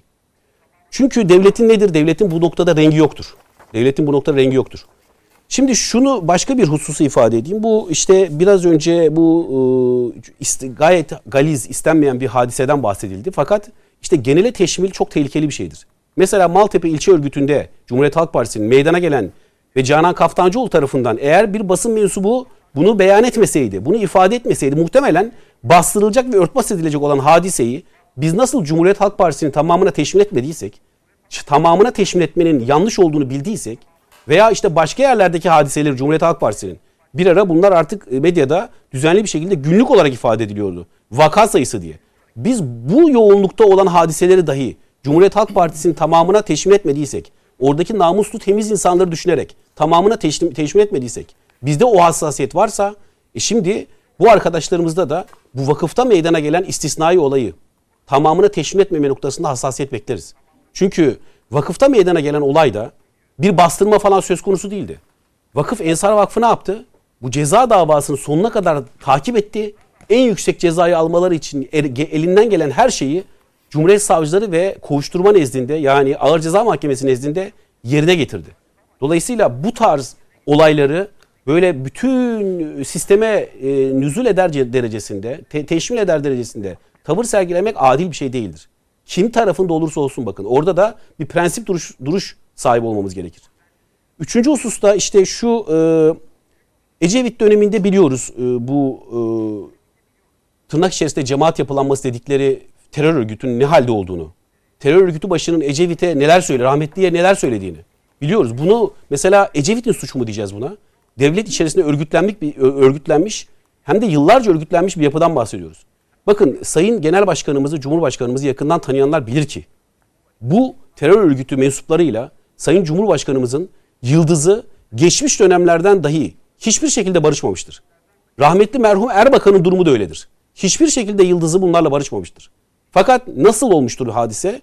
Hadiseyi burada tekrar kronolojik sıraya sokup anlatmanın gereği yok. Devletin devlet sisteminin içerisinde çöreklenmiş yapı, devlet sisteminin içine çörek, çöreklenmiş yapının tasfiyesi tasfiyesi noktasında temel ve en güçlü iradeyi kim sergilemiştir? Burada biraz vefalı olmak lazım gerekir. Eğer Cumhurbaşkanımız Sayın Erdoğan olmasaydı bu terör örgütü şu anda hala devlet içerisinde örgütlü, hala biz e, uyuyor vaziyette olabilirdik. Devletin belki de tamamını, sistemin tamamını, Türk Silahlı Kuvvetleri'nin tamamını bu örgüt ele geçirmiş olabilirdi. Dolayısıyla bu örgütle mücadelede en net ve direkt iradeyi riske alarak, hayatını riske ederek 15 Temmuz gecesi o katil sürüsünün Marmaris'e nasıl baskın yaptığını biliyoruz. Orada şehit olan polislerimizi biliyoruz. Dolayısıyla bu noktada Hakşinas ve Kadir Şinas olması gerektiği kanaatindeyim. Sayın Cumhurbaşkanımız hakkında Sayın Cumhurbaşkanımızın Sayın Cumhurbaşkanımızın partisi hakkında beyanda bulunurken en ciddi mücadeleyi ve savaşı bu siyasi hareketin verdiğini es geçmememiz gerektiği kanaatindeyim. Bakın asıl terör örgütü olduktan sonra terör örgütü olarak nitelendirildikten sonra bu 15 Temmuz alçak girişiminden sonra bunların su yüzüne çıktığını milletimiz de gördükten sonra duruşlara bir bakalım. Ne olmuştur duruşlarda? 2016-2015 yılında Samanyolu televizyonu kapatıldığında Ne yapmıştır? Kim zincirlemiştir kapıya kendisini? Ya Cumhuriyet Halk Partisi milletvekillerinin bazılarını biz kapıya kendini zincirlerken gördük. E Samanyolu televizyonunda Ekrem Dumanlı ile beraber oturup e, sohbet eden, muhabbet eden genel başkan kimdi? Kimdi genel başkan? O MİT krizinden 17-25 Aralık'tan sonradan bahsediyorum ben. Kimdi bu? Bakın netlik iyi bir şeydir, güzel bir şeydir. Bu kavga, bu mücadele, bu terör örgütünden tamamıyla temizlenme noktasındaki irade başladıktan sonra bu hadiseleri, bu adeta bu terör örgütüne zemin sağlama noktasındaki hadiseleri ve hareketleri asıl onları düşünmemiz ve yargılamamız lazım. Onlardan hiç bahsetmeden eğer Sayın Cumhurbaşkanımıza bu noktada bir eleştiri getirilirse bu hakikaten çok galiz bir eleştiri olur. Bakın 15 Temmuz gecesi ya bunları biz hayal mi görüyoruz veya biz Mars'ta mı yaşıyoruz? Unuttuk mu bunları? 15 Temmuz gecesinin tankları tankların önü, tankların iki tarafa açılıp kime yol verdiğini biz görmedik mi ya? Biz neden bahsediyoruz? Cumhuriyet Halk Partisi örgütleri sokağa davet edilirken Sayın Kılıçdaroğlu örgütümün güvenliğini kim sağlayacak diye beyanda bulundu. 15 Temmuz gecesi. Ya ne güvenliği? Güvenlik mi kalmış? Vatan memleket elden gidiyor. Atatürk'ün gençliğe hitabesini arkana asmışsın. Ama gençliğe hitabenin gerektirdiği o dahili ha bedahalar harekete geçtiği anda neden bir tavır sergilemedin? Neden dirayetli duruş sergilemedin? Şu anda İstanbul Büyükşehir Belediye Başkanı olan zat 15 Temmuz gecesi attığı tweet. Bakın bunlara. Bunları neden değerlendirmiyoruz? Bunları değerlen bunlarda adil olmamız lazım. Dolayısıyla Sayın Cumhurbaşkanımızın iradesidir. Türkiye'yi hakikaten uçurumdan çeviren liderdir. Bunu çok net bir şekilde ifade ediyorum. O noktada bize atılan bühtanlar bize yapışmaz. Dolayısıyla bu Peki. örgütle en ciddi mücadeleyi serdeden, en ciddi mücadeleyi serdeden siyasi hareketiz. Nokta. Peki. Ee, Mete Yarar e, reklama mı gideceğiz? Yok gitmeyeceğiz. Ee, Nedim Şener de hazır telefonla ilgileniyorken soruyu hemen yöneltmiş olayım. hemen sor yoksa araya ben zaten Mete'yi tanıyorum diye başlar o şimdi. Evet. E, Nedim Bey araya giriniz lütfen şu anda. E, hukukumuz bağlı. Hukukumuz vardır diye başlıyor. E, nefret söylemi aslında e, tam senin görüşlerini alamadım o konuyla ilgili. Biraz e, vakıflar üzerine evrildi tartışma. Sayın Kılıçdaroğlu ne olursa olsun bürokrasiye yönelik, e, kamuda çalışanlara, memurlara yönelik bu açıklamayı e, bir uyarı niteliğinde yaptığını ifade ediyor. Daha doğrusu öyle de yorumlandı. Ama Sayın Mücahit Birinci bu apaçık tehdittir dedi. Bu bir. İkincisi e, yine partiye mensup bir e, hukukçu hanımefendi e, sildi sağ, daha sonra o tweet'i ama e, AK Parti'ye e, oy verenlerden ya da AK Partili herkesten nefret ediyorum ifadesini kullandı. O da çokça konuşuldu, yankı buldu. Ee, bu tehdit ve nefret söylemi aslında kutuplaşmadan şikayet edenlerin, Türkiye'yi kutuplaştırıyorsunuz, vatandaşları sınıflandırıyorsunuz, kategorize ediyorsunuz diyenlerin bir tık fazlasını yaparak mukabele etmeleri anlamına gelmiyor mu? Aynen öyle oluyor. Ee, İstersen o sözüne şeyde başlamak isterim. Şimdi e, Türkiye'de konuştuğumuz ve tartıştığımız konuların içerisinde işe hukuk açısından mı bakacağız? Geçmiş tecrübelerimizden mi bakacağız? Yoksa evrensel ilkelerden mi bakacağız? Hepsiyle beraber bakacağız değil mi? Yani bunların üçünü karşı yani üçünü e, değerlendirdiğinizde müspet bir sonuca varabilirsiniz. Müspet bir noktaya gidebilirsiniz. Doğru. Şimdi soru şu tarikat ve cemaatlerin e, vakıflaşmalarında e, hukuki olarak bir engel var mı? Yok. Peki e, vakıf ve cemaatlerin içinde olan insanların e, devlet kademesinde görev almalarında bir e, etik veya ahlaki olarak veya e, hukuki olarak bir şey var mı, sıkıntı var mı? Yok. Yok. Peki sorun nerede? Sorun aynen şurada başlıyor bunların adil olmayan bir şekilde içeriye girmeleri. Yani bir örgütlü bir yapı, örgüt şeması içerisinde girmeleriyle ilgili bir endişe var. Tecrübe bunu gerektiriyor. O zaman şu kelimeyi niye kullanıyoruz? Tarikat ve cemaatler bunu yaparlar tabirini niye kullanıyoruz? Böyle kaç tane e, Türkiye'de gerçek anlamda bu işi yapan e, veya yaptığı söylenen kaç kişi var? Ve biz bunu niye bütün bu genellemeyi bunun hep tamamını o bütün e, unsurlara mal ediyoruz? Bravo çok doğru. Arkadaşlar açık açık söyleyin ya. Yani E, ismiyle söyleyin. Kimdir ismiyle bu? hitap edin. Kimse onu söyleyin. Niye genel konuşuyorsunuz? Hayır niye genel konuşuyorsunuz? Biz bunu her tarafta görüyoruz biliyor musun? Ve son dönemde bu beni inanılmaz şekilde rahatsız ediyor. Örnek vereyim.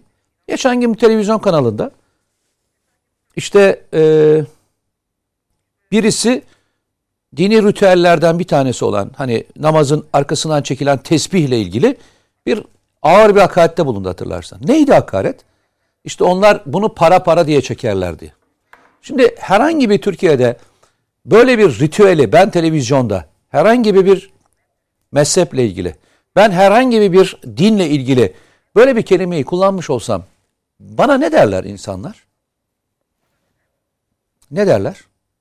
Sen ne kadar e, değişik bir adamsın. Sen nasıl olur da onu öyle çeken bir şeyi tamamına mal edersin. Yobaz diye kelimesini tavsiye ediyorum burada. Bana ne derler? E, o- Daha da ağırını söylerler. Yobaz- Söylemedikleri Değişik diyerek Değişik. son anda nezaketli hale çevirdi. Tamam? Evet. Yani bir sürü laf söyleyebilirsin. Arkadaşlar şöyle yapalım mı? Hepimiz yaşantımıza, değerlerimize ve ahlak anlayışımıza bir e, düsturuk verelim. Yani genellemenin bu kadar aleni olduğu ben bir dönem hatırlamıyorum ya. Doğru çok doğru. Ne yapıyorsunuz arkadaşlar? Yani benden saygı bekliyorsun ama televizyonun ortasında benim bir ritüelimde çok rahat bir şekilde dalga geçebiliyorsun. Çok rahat geçiyorsun hem de ya. Herkes öyle çekiyormuş. Herkes kim kardeşim? Kim ya?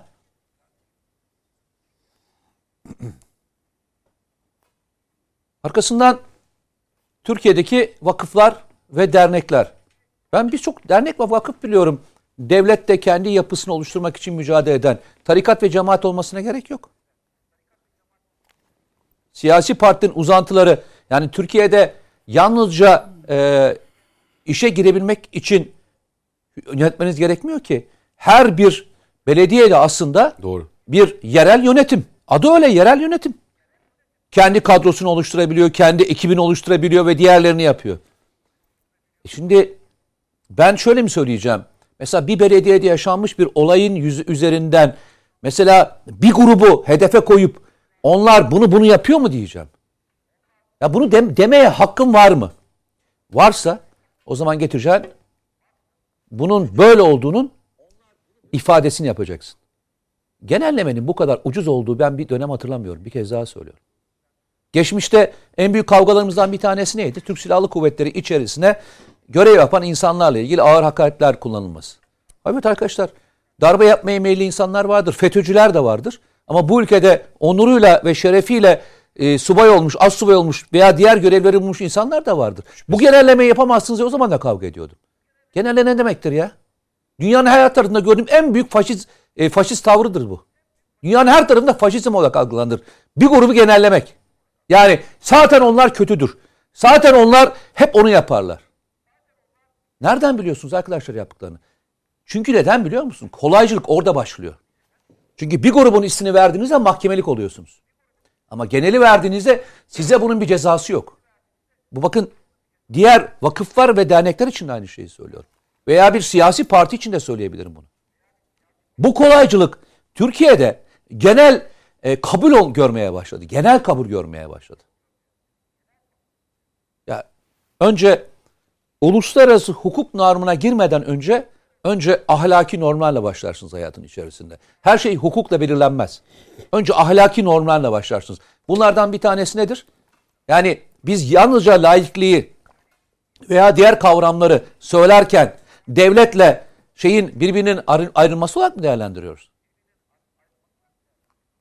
Dinle devletin ilişkilerinin birbirine ayrılması olarak mı değerlendiriyoruz? Yok.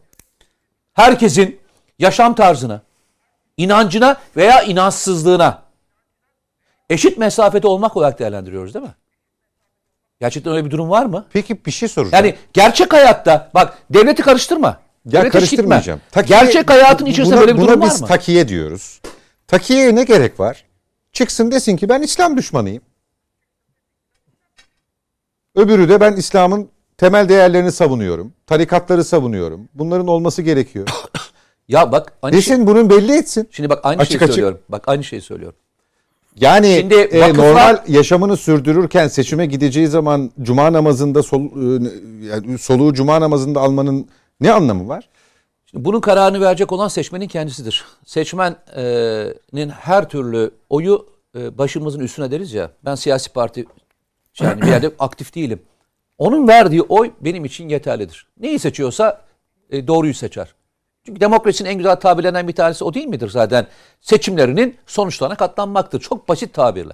Sen seçersin, onun sana yönetmesine e, ya, sürdürürsün. En sağlıklısı o zaten seçmenin Ya o zaman gözlemi o yani. zaman bitti. Arkadaş yani aldatılmak tabirini yalnızca FETÖ için mi kullanıyoruz biz? Onun için mi kullanıyoruz? Çok basit bir şey söyledi mi? Dedi ki e, süreçleri anlattı. Biz 15 Temmuz'dan sonra yaşanan sürece baktığınızda Gaye Hanım geçmişte başka bir partide de e, görev yaptığı için e, söyleyebilirim bunu. Ama onu mesul ederek söylemeyeceğim. Bildiği için söyleyeceğim. Ya arkadaşlar FETÖ'nün kumpaslarının içinde yer alan bir kişiyi manşetten Nedim örneğini verdiği için söylüyorum. Nedimler için onlar gazetecilikten tutuklanmadılar.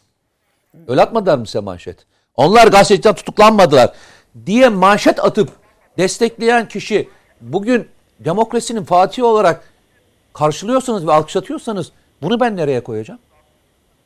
Ben diyorum ya hep tutarlılık, süreç tutarlılığı, kronolojik tutarlılık, hayata bakışla ilgili tutarlılık.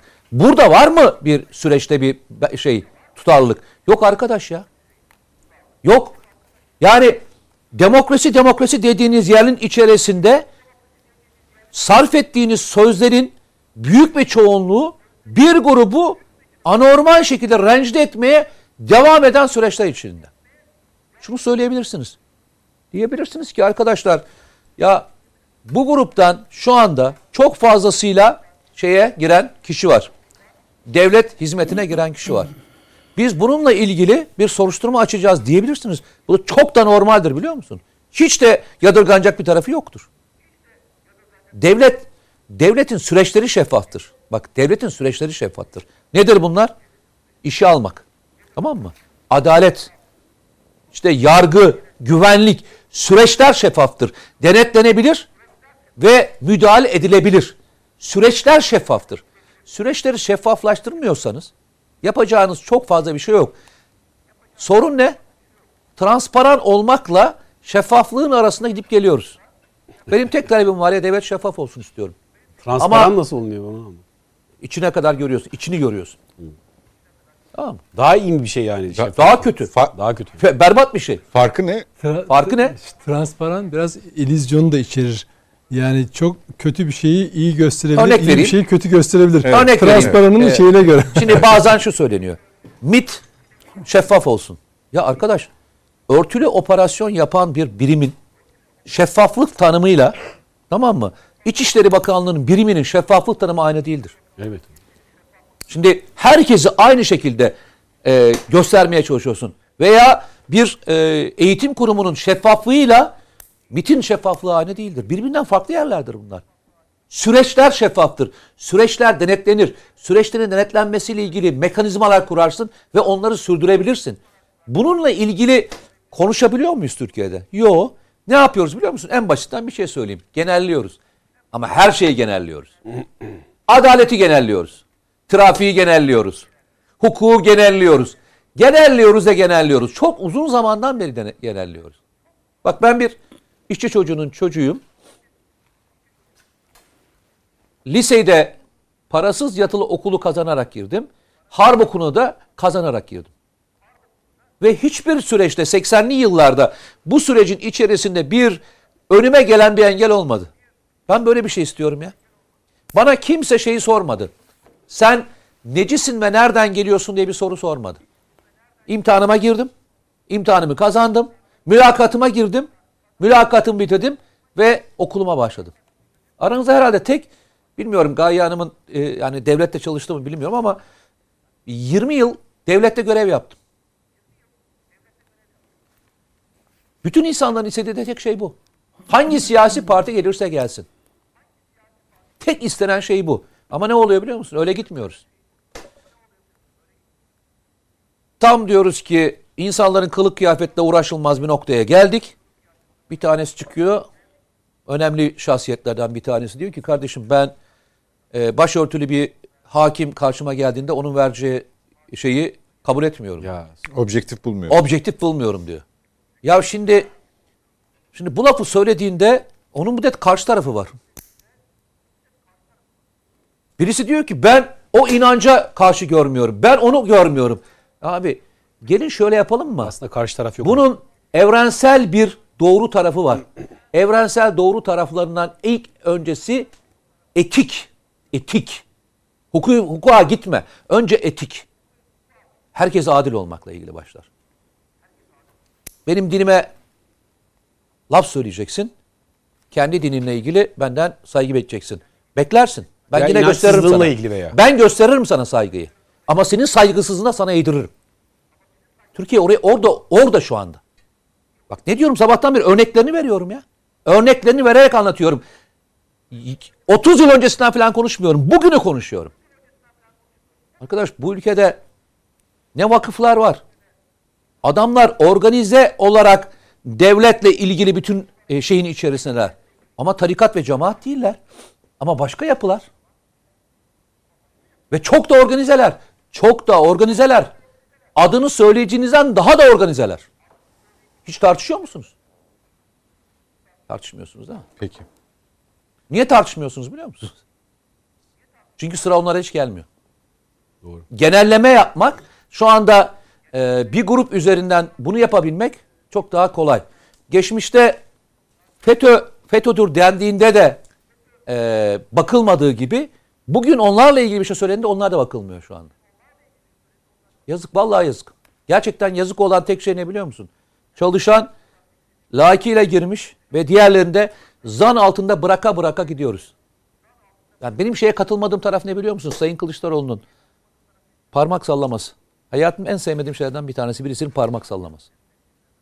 Arkadaş iktidara gel. İktidara geldiğin andan itibaren de hatta iktidara gelmene bile gerek yok. Elinde bir sürü avukat var. Hatta bir sürü baro sizinle aynı görüşte. Arkadaş açın davalarınızı ya. Açın değil mi? Yani hukuken o bütün süreci yapan bürokratlarla ilgili davanızı şimdiden açın. Hiç gerek yok uzağa falan gitmeye. Şimdiden açın. Bunun için iktidar almanıza falan da gerek yok. Ya teyit etmeye de gerek yok. Gerek de yok. Git hemen aç. Git hemen aç. Bununla ilgili nasıl süreçler varsa her birini aç. Niye açmıyorsun arkadaş? Peki ara vakti tekrar. En basitinden vereceğim. 80 tane milletvekili, 4 tane bakan. Baylokçu. Ver listeyi. Ver listeyi. Hemen e, savcılar işleme başlasınlar. 4 sene oldu. Kaç sene oldu? 4 sene oldu. Ne 4 senesi ya? 5 sene oldu. 5 sene bitiyor. İlla ki itiraz edecek. Hayır 2016 abi. Doğru, doğru. yanlış mı söylüyorum? 2017 idi galiba. Ne doğru? Yok 2016'da söyledi onu. 4,5 yılda anlaşalım. Peki 4 Peki. Tamam. Seni kırmayayım bugün. Çok teşekkür ediyorum Mete Yarar. Ee, araya gideceğiz efendim. Son reklam arası. Dönüşte devam edeceğiz net bakışa.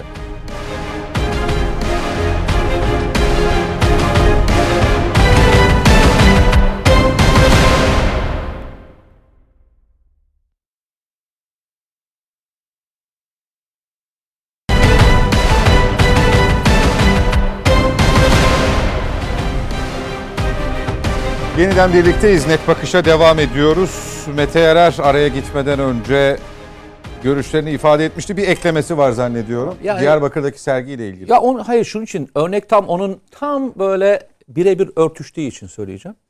Diyarbakır'da e, Sayın Ekrem İmamoğlu'nun da katıldığı e, bir sergi açılışı vardı. Bu sergi açılışında e, işte bir tablo e, çok konuşuldu.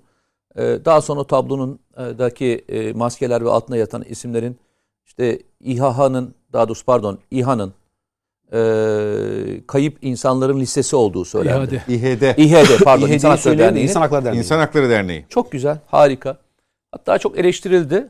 Ben eleştirme tarafından değil de başka bir taraftan bakarak tam örneğiyle söyleyeceğim. Ee, arka akşamleyin de Kardeş Türküler eşliğinde de güzel bir e, müzik e, fes- şey yapıldı, resitali yapıldı. Söyleyen şahıslar da çok güzel bir şekilde şunu ifade ettiler.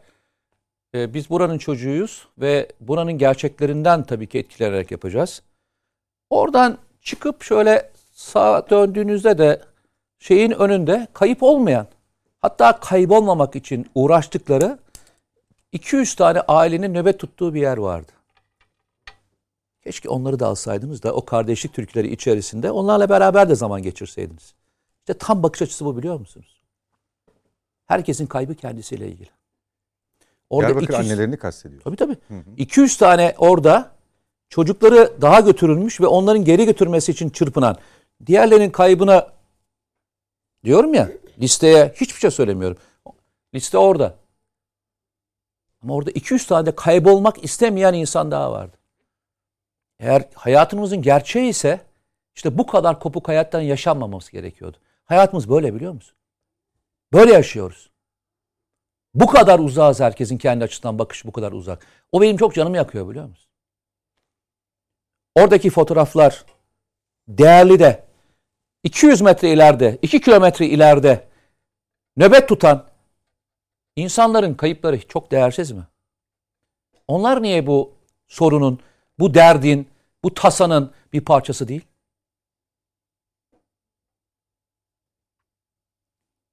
Nedim Şener?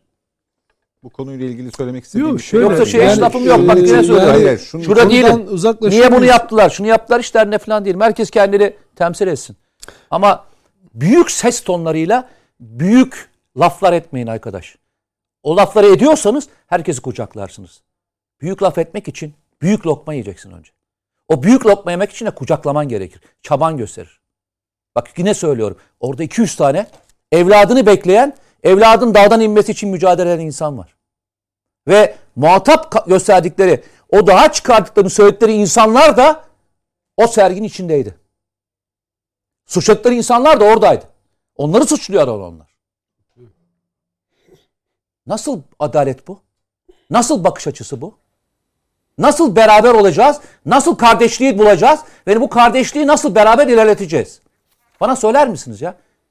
Bu kadar ayrılma nasıl kardeşlik çıkacak? Nasıl çıkacak kardeşlik?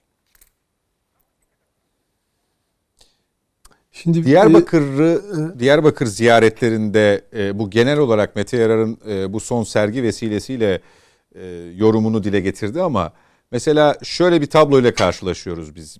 E, gidip orada bir organizasyonda yer alan e, ama siyasi ama sosyal bir projenin yansıması olarak beyanatı da olan ama işte Diyarbakır annelerini ziyaret etmedi diye de haberler Ya görüyoruz. Arkadaşlar Şimdi bak, bunu buradan tartışmanın e, nereye oturtulması Hocam, gerektiğini bak söyleyebilir misin bana? vicdani, ahlaki, hukuki tüm üstünlükler Diyarbakır annelerinde ve Türk milletinde. Ve biz Mete diyor ki niye işte eşit davranmıyorlar? Ve biz öyle bir hale getiriyoruz ki o insanları onu yaptılar. Niye onları da ziyaret etmediler? Yahu onları ziyaret etseler suratlarına tükürmesi lazım Diyarbakır annelerinin. Ben oraya gitmelerini ister miyim? Ben Diyarbakır annelerini ziyaret etmelerini ister miyim? Tam olarak bunu gidenlerin? soruyorum. Ya ben böyle bir şey ister miyim? Ben HDP'yi PKK'nın siyasi uzantısı görüyorum. Anneler HDP'nin İl Diyarbakır İl Başkanlığı önünde burası dağa açılan tüneldir diyor. İki senedir. O, e, e, yaklaşık 30 32 tanesi de evladına kavuştu bu direniş sonucunda. 250 civarında anne orada bekliyor, evlatlarını babalar bekliyor. Ve ben diyorum ki efendim sergi açmışlar. Efendim e, İmamoğlu gitmiş oraya Ben bilmem ne yapmış. hiç bahsetmedim ya. Ben İmamoğlu'ndan bahsediyorum. Ben. İmamoğlu'dan bahsetmiyorum. Ben, ben, Ben- ben, bahs- ya kardeşim ben senden bahsetmiyorum. Ben İmamoğlu niye gitmemişmiş? Kardeşim gitmesin zaten. İmamoğlu HDP'lerde iş tutuyor. PKK bak. CHP şimdi Gaye Hanım gibi CHP'liler bizim gönlümüzdedir tamam mı? Yani düzgün, ahlaklı, hani şey ilkeli insanlar. Bak Muharrem İnce'yi bir günde AKP'li ilan ettiler bu CHP'liler. Bir günde. Sarayın adamı dediler. Tamam, itibarsızlaştırmaya çalıştılar. Şimdi İmamoğlu ne yapıyor? Bak yerel seçimler akşamı da söylemiştim. Dağdaki Besohoza teröristinden Duran Kalkan'la Murat Karayalı'na İmamoğlu'nu desteklemek lazım, şöyle yapmak lazım. Ben İmamoğlu yerine olsaydım dedim. Benim ağzı, benim adımı ağzına alan teröriste ağzına aldığına pişman ederdim. Öyle bir küfrederdim ki yani çıktığı mağara deliğine geri sokardım onu. O küfürle yani o zannederdi ki üzerime İHA atıyorlar zannederlerdi. Ama ne oldu? Ee, beraber fidan da diktiler. Halay da çekiyorlar. Sergi de yapıyorlar. Adam ama her şey gidişinde ne yapıyor? Çok akıllı ha İmamoğlu. Bir Atatürk fotoğrafı götürüyor. İşi kamufle ediyor. Kime veriyor bunları? HDP'lilere. Ne, ne yapıyor? Ya HDP'li dediğin adam hiç geçmişini unutalım.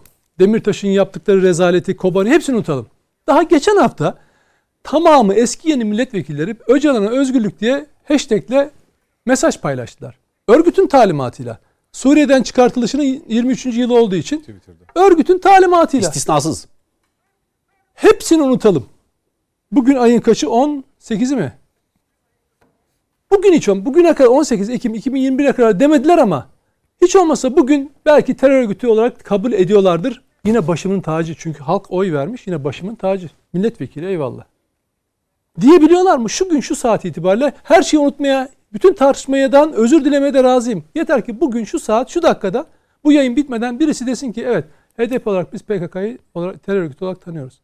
Bunu yapmamış adamlardan demokrasi için oy dilenmeye gidiyorlar. Oy.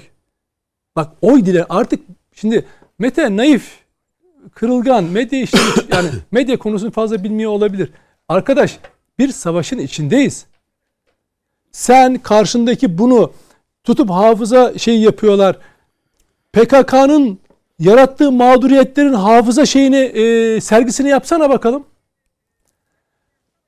Sadece bir tane örnek vereyim ya. Bak Türk askerinden, korucusundan, polisinden vermeyeceğim. HADEP Genel Başkan Yardımcısı e, Hikmet Fidan 2005 yılında PKK'da PKK'ya eleştirdi ve ayrı bir parti yapılanmasına gidiyorlardı Osman Öcalan'la beraber. Apartmanın boşluğunda kafasına sıktılar. Çağırıp dediler ki bir görüşmeye için seni çağırıyoruz. Kafasına sıktılar. Al sana hafıza odası. Bul, gidin o Kürt değil mi? Hikmet Fidan Kürt değil miydi? Hatta HDP'li değil mi? Ya ne diyorum? HDP'li HADEP'in genel başkan yardımcısı Evet. hafıza odasında bir isim ona da yer veremediniz mi? Olmaz. Veremezsiniz. Veremez. O gün Bara Başkanı kim? Selahattin Demirtaş.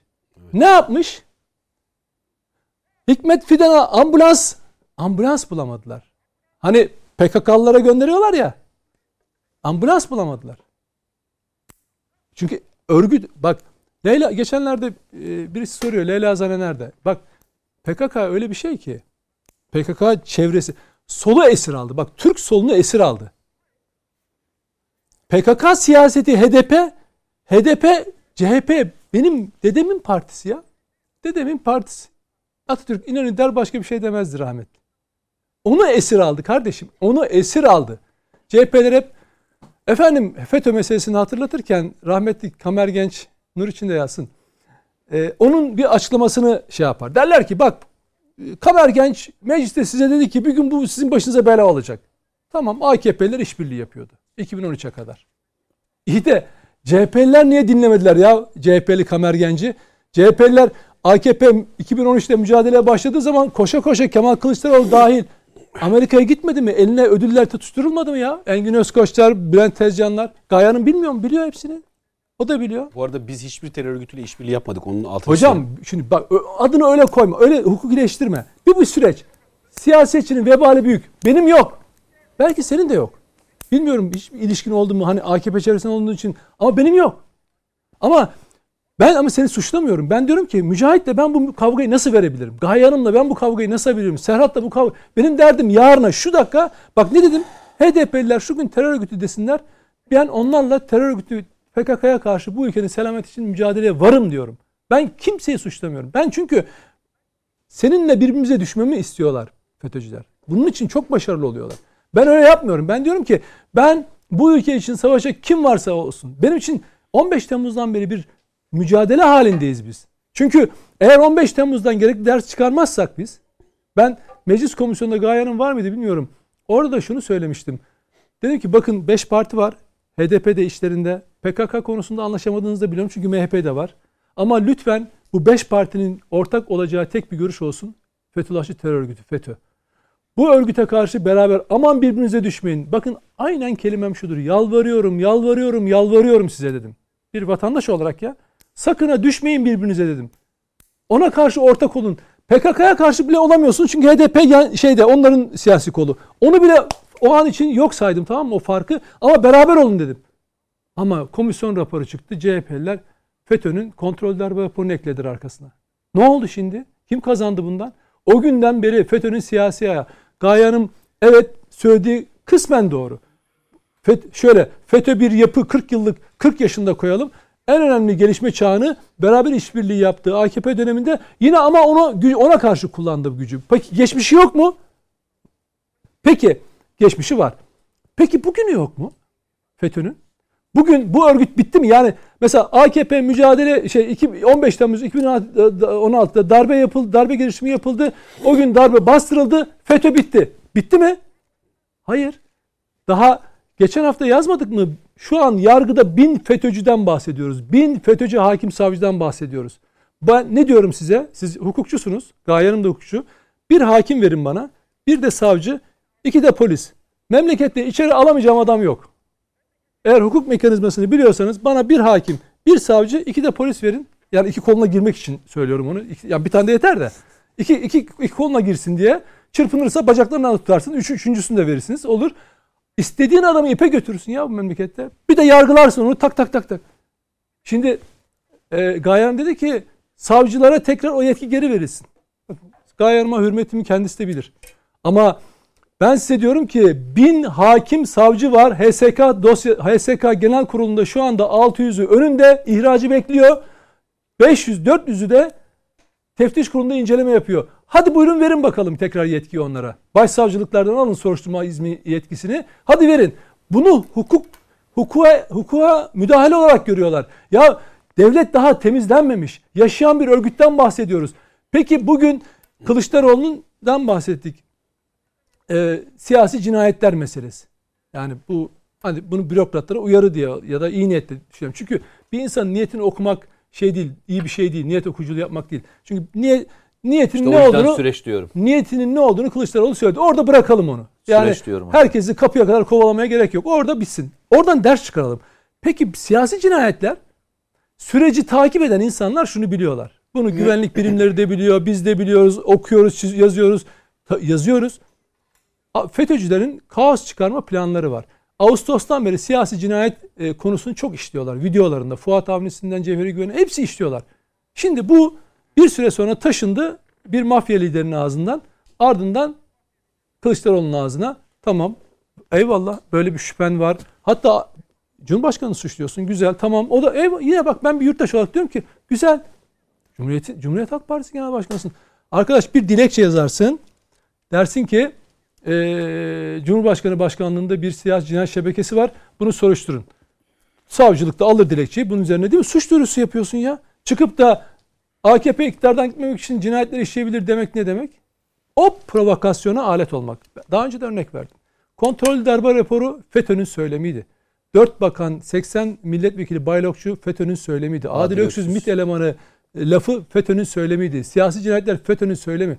Kılıçdaroğlu'nun en za- kim ona danışmanlık yapıyor? Bu aklı kim veriyorsa. Çünkü oturup Kemal Kılıçdaroğlu FETÖ'cü hesapları takip ediyor. Ben buradan bir gündem çıkarım. Ona birileri bunu hazırlıyor. Tıpkı Erdoğan kandırıldığı gibi şey de kullanılıyor. Ama bak şöyle söyleyeyim. KHK'ları iade edeceğim diyor değil mi? Bak bir şey söyleyeyim mi? Çok iddialı bir şey söyleyeceğim. AKP FETÖ'yle mücadeleye başladı. Ve 7 ee, Haziran'dan tutun 17-25 e, Aralık'a 14 Ocak MIT e, şeyine tırların durdurulması 15 Temmuz'a kadar. Şimdi ve on, o günden bu tarafa süren ve mücadele ede ede ayakta duruyor hala. Belli bir siyasi gücünü de koruyor. Azalıyor, çıkıyor falan ama bir siyasi gücünü koruyor. Bak sen diyorsun ki Kılıçdaroğlu diyor ki ben diyor bunları devlete döndüreceğim. Sana yemin ediyorum devlete döndükleri gün var ya Kılıçdaroğlu onların ayağına bastığı bir an için mücadele ettiğini düşün o anda. Bak AKP devlet içinde FETÖ varken FETÖ'yle mücadele ediyor. Kılıçdaroğlu iktidar olsun ve onlarla mücadele etmek diyelim ki fikrine gelsin. bir günde bitirirler. Bir gün dayanamaz. Bir gün. Peki. Bir öğretmeni bak mahrem imamdır. Bir öğretmeni görevden alsın. Ortalık birbirine girer. Ondan sonra ne çıkar biliyor musunuz ortalığa? FETÖ'cüler birisi söylemişti. Ya biz ağzımızı açsak kasetlerimiz, şeylerimiz çıkıyor falan demişti. Ondan sonra o bütün bağlantıları deşifre ederler. Faş edilir kalırsın ortada. Dolayısıyla şunu söylemeye çalışıyorum. Türkiye bakın Türkiye şimdi şey şeyden geldik. Diyarbakır'dan geldik. O yüzden Diyarbakır annelerini bu işlere katmayın. Diyarbakır annenin meselesi çok kutsal bir mesele. Oraya ancak alnı temiz, Diyarbakır annenin yüzüne bakabilecek şerefe sahip olabilenler giderler. Çok doğru. Bak başkası gidemez. İmamoğlu gelir etrafından tur atar. Sırtını orada orada PKK'lara işbirliği yapan HDP'lerle gülücükler içinde Mustafa Kemal'in itlerisiniz diyen e, sırrı sakıkla yan yana poz verirler. Ama oraya uğrayamazlar. Uğramasınlar zaten. Diyarbakır anneleri Toparlayabilir miyiz hızlıca? Tabii. Dolayısıyla eğer bizim şimdi şunu söyleyeceğim. Bizim şundan vazgeçmemiz gerekiyor. Bu bir mücadele. 15 Temmuz'dan sonra bir örnek vereyim. 15 Temmuz'dan sonra FETÖ konusundaki söylem güçlülüğü o kadar yüksekti ki bütün herkes çekilmek zorunda kaldı. 2-3 yıl sonra yavaş yavaş yavaş yavaş ortaya çıktı. Bugün FETÖ'cüler kendi mağduriyetinden bahsediyor. CHP onun mağdur olduğundan bahsetmeye başladı KHK'ları iade etmek konusunda. Şimdi sen ben bak terör örgütleri, yandaşları istediği şeyi yapabilirler. Ben ne yapıyorum? Ben ne yapıyorum? Ben Nedim Şener olarak ne yapıyorum? Ben canlarını okuyorum gece gündüz. Rüyamda onları görüyorum tamam mı? Nasıl mücadele edeceğim görüyorum. Peki FETÖ'yle mücadele ediyorum, edilmeli diyenler ne yapıyor Allah aşkına? Ne yapıyor ya? İktidara yakın olanlar söyleyelim. Hadi muhalefeti geçtim işbirliği yapıyor. Ne yapıyor? Sen bir yalanı bir yalanı FETÖ'cüler dahil 50 bin beğeniye ulaştırırken bir vatansevere mesela şey Ömer Halis Demir'e ya diyen o kişinin hukuk devreye girmese bugün hala bilmem ne partisinde görev yapıyordu. Can, şey hayatı zindan edebiliyor musun sosyal medyadan? Yani sen ona bir 50 bin beğeni işte bilmem kaç paylaşım yapabiliyor musun? Sesini kesebiliyor musun? Demokratik Teşekkür olarak ediyorum. söylüyorum. Teşekkür ediyorum. Ee, Gaye Hanım sizinle devam edeceğim. Diyarbakır konusu, siyasi cinayetler iddiası ve bu nefret söylemi konusundaki görüşlerinizi öğrenmek istiyorum. Ee, Ben önce Sayın Yarar'a bir e, yanıt vererek başlamak istiyorum. Ee, Ben de devlette çok uzun yıllar görev yaptım. 2015'te milletvekili olana kadar, 2018'de milletvekilliğim sonlandıktan sonra geçtiğimiz Cuma'ya kadar Eskişehir Osman Gazi Üniversitesi Tıp Fakü- Fakültesi'nde öğretim üyeliği yaptım. güzel, Ee, Dolayısıyla devlet geleneğinden geliyorum. Ee, Şimdi çok güzel şeyler söyledi hem Sayın Yarar hem Sayın Şener. Ee, Ben de hepsinin altını e, kalın kalın çizerek başlamak istiyorum. Ee, Gerçekten e, bugün Türkiye'de bir demokrasi sorunu var.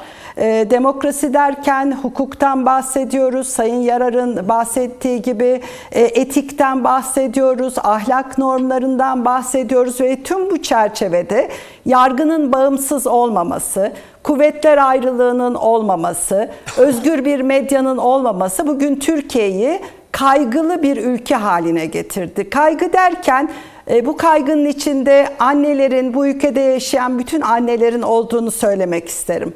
E, Diyarbakır anneleri hepimizin hassasiyeti. Evlatları için gözyaşı döküyorlar, evlatlarının yolunu bekliyorlar. Öte taraftan 1995'ten beri evlatlarının yolunu gözleyen cumartesi anneleri de var. Yani bu ülkede anneleri kutuplaştırarak, senin annelerin benim annelerim diyerek siyaset yapma ya da bunun üzerinden siyasete bir malzeme çıkarmanın doğru olmadığını düşünüyorum. Bu anneler bu ülkenin anneleri, bu annelerin hepsinin duyguları, evlatları için duydukları kaygı, ortak bir kaygı ve bu ülkeyi yöneten insanların görevi bu kaygıyı büyütmek veya bu kaygı üzerinden kutuplaştırmayı arttırmak değil, bu annelerin tümüne sahip çıkmak, bu annelerin tümünün kaygısını gidermek ve bu annelerin devletten, devleti yönetmekle mükellef olan hükümetten ne bekliyorlarsa hükümeti yönetenlerin, hükümet olan kişilerin bu kaygıları yerine getirmesi gerekiyor.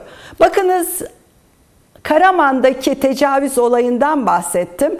Ee, bilmiyorum içinizde yargılama sürecine katılanlar var mıydı? Ben bir anne olarak o yargı sürecini gözüm yaşlı izledim. Tecavüz olayını gerçekleştiren öğretmene 508 yıl bilmem kaç ay ceza verildi. Oysa ki o vakfın açılmasına izin verenler, o, vak, o vakıf pardon o vak, vakıf yurdunun açılmasına izin verenler, o vakıf yurdunu olması gerektiği şekilde denetlemeyenler, o vakfın kendisi, o yurttaki eğitimciler, o yurttaki yöneticiler herkes sorumlu. Kim diyebilir ki ben burada sorumlu değilim, tecavüzü yapan belli. Hayır.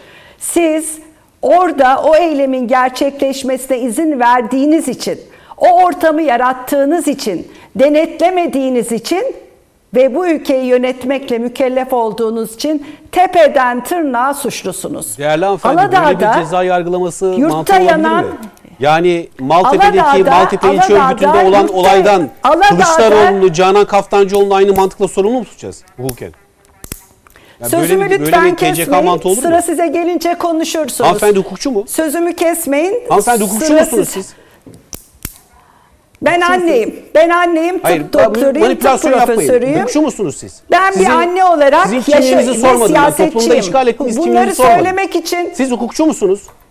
Türk Ceza Buyurun Kanunu'nda konuşun, buyurun cezanın konuşun, kişi sizi ceza, dinleyelim. cezanın şahsiliği noktasında böyle bir temel yıllar yüzyıllarca kabul edilmiş bir ilke varken siz nasıl böyle bir genele teşvir edilecek bir hareket veya bu tarz önerebiliyorsunuz? söz kesmek doğru bir şey Yani değil. Maltepe'deki müsaade edin ama kesilecek söz söylerseniz keseriz sözünüzü. Kesilecek söz söylerseniz bakın sözünüzü. Ne olursanız öyle olun şey olmaz. dinlemeyi bilmiyorsunuz. Bir saniye, bir saniye. Nasıl yapmayın Hayır canım, böyle şey mi. Böyle konuşuyoruz, hiç anlaşılmıyor. Öyle şey mi olur? Hayır, kabul etmiyorum öyle şey. Bu doğru bir şey yapmayalım. değil. Bir saniye, bir saniye. Böyle konuşunca hiç anlaşılmıyor. Gaye Hanım tamamlayın lütfen. Ajitasyona gerek yok. Canınız Biraz da önce siz sıkılmasın. yaptınız anneyin falan Ben. Türkiye'nin reel bir durumundan bahsediyorum.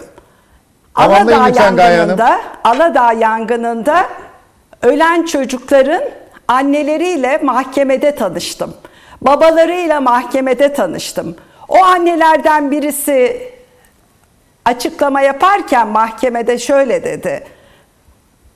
Çocuğumu aradım, ölmemiştir diye dua ederek hastanede yanan çocuklara baktım. Bunlar benim çocuğum diye değil diye düşündüm. Bir tanesinin kolundaki bilezik benim çocuğumun bileziğiydi.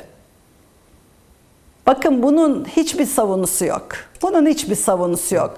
Burada suçu işleyen kişi vardır elbette ama bu suç ortamını oluşturanlar sorumludur. Sorumlular sorumsuzmuş gibi davranamazlar.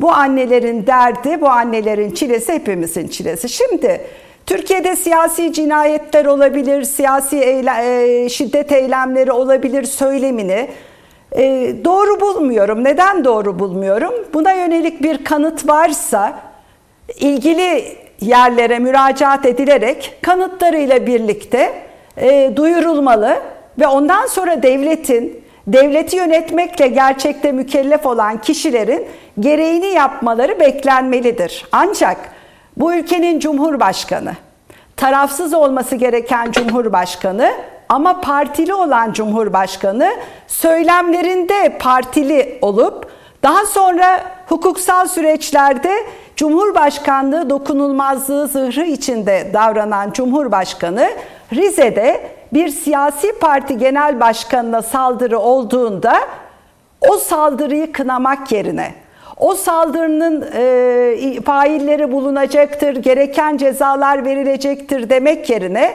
durun daha bu iyi günleriniz daha kötüleri gelecek diye biliyorsa bu ülkede insanların kaygılı olması, bu ülkede insanların sıkıntılı olması konusunda yeterli bir delildir. Ve bugüne gelecek olursak,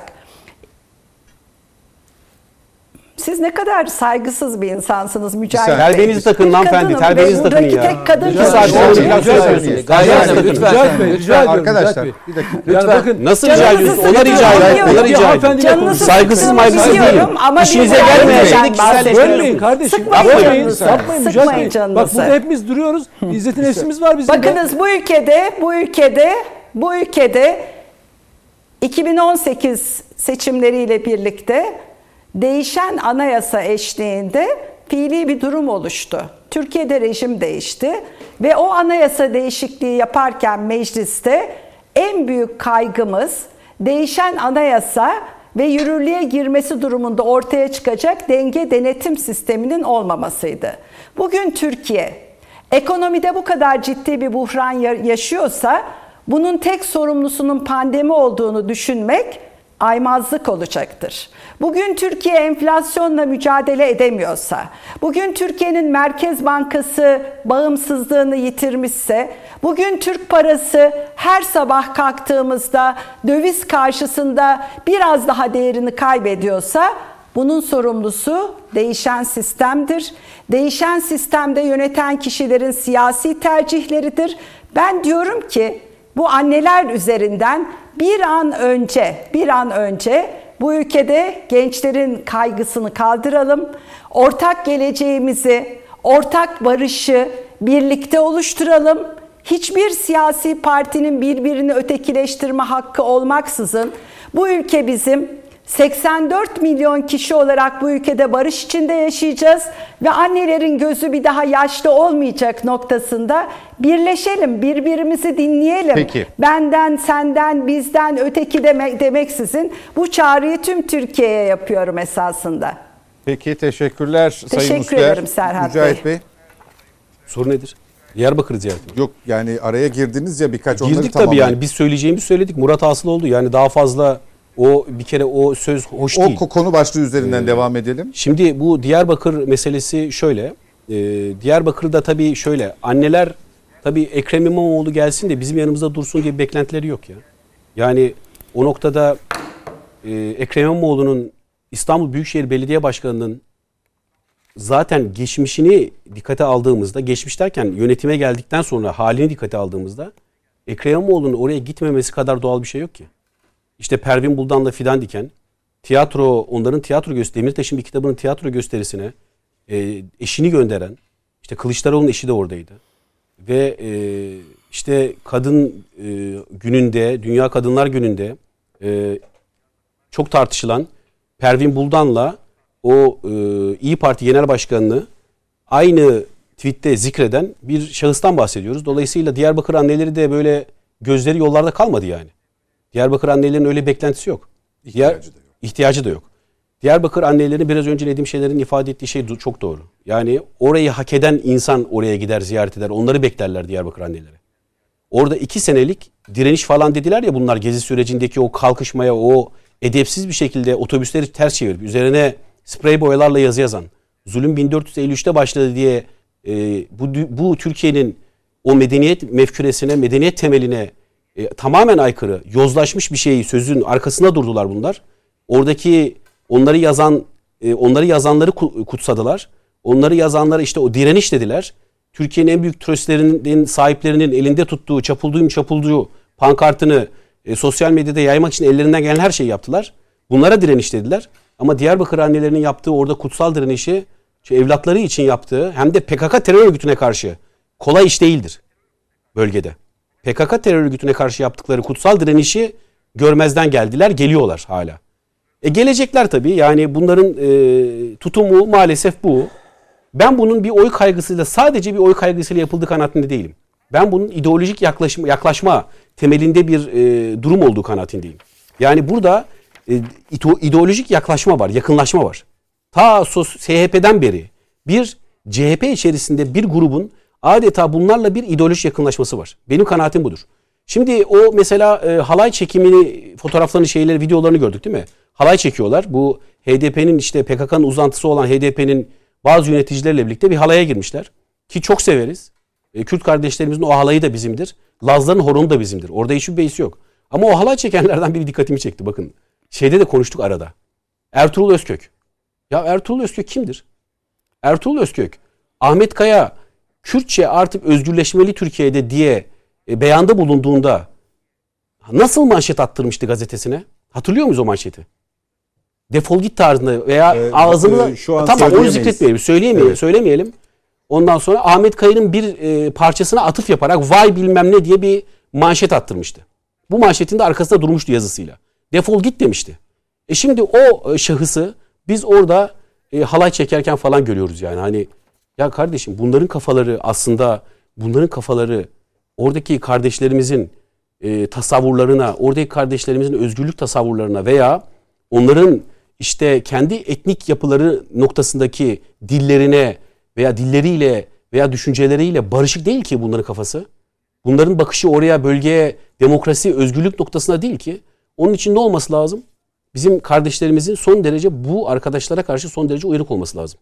Mesele budur. Meselenin temeli bu. Ee, netice itibariyle beklemiyorlardı. Diyarbakır annelerinde umurundaydı yani. Oraya İstanbul Büyükşehir Belediye Başkanı gitmiş gitmemiş umurunda değil. Umurunda değil. Onların beklentileri çocukların o dağdan indirilmesi. Başka bir konsantrasyonları yok. Onlar siyaset üstü, üstü bir direniş sergiliyorlar orada. Yani İçişleri Bakanımızın, İçişleri Bakanlığı'nın onların yanında olması kadar bu evlatlarını PKK'nın elinden kurtarmaya çalışması ve çabalaması kadar bazılarını kur- kurtarıyor görüyoruz. Çabalaması kadar doğal bir hadise yok ki. Efendim bazıları şöyle eleştiriyor annelerimizin oradaki direnişini. İşte hadi şöyle meşrulaştırıyorlar daha doğrusu ziyaret etmemelerini. Onları görmemelerini şöyle meşrulaştırıyorlar.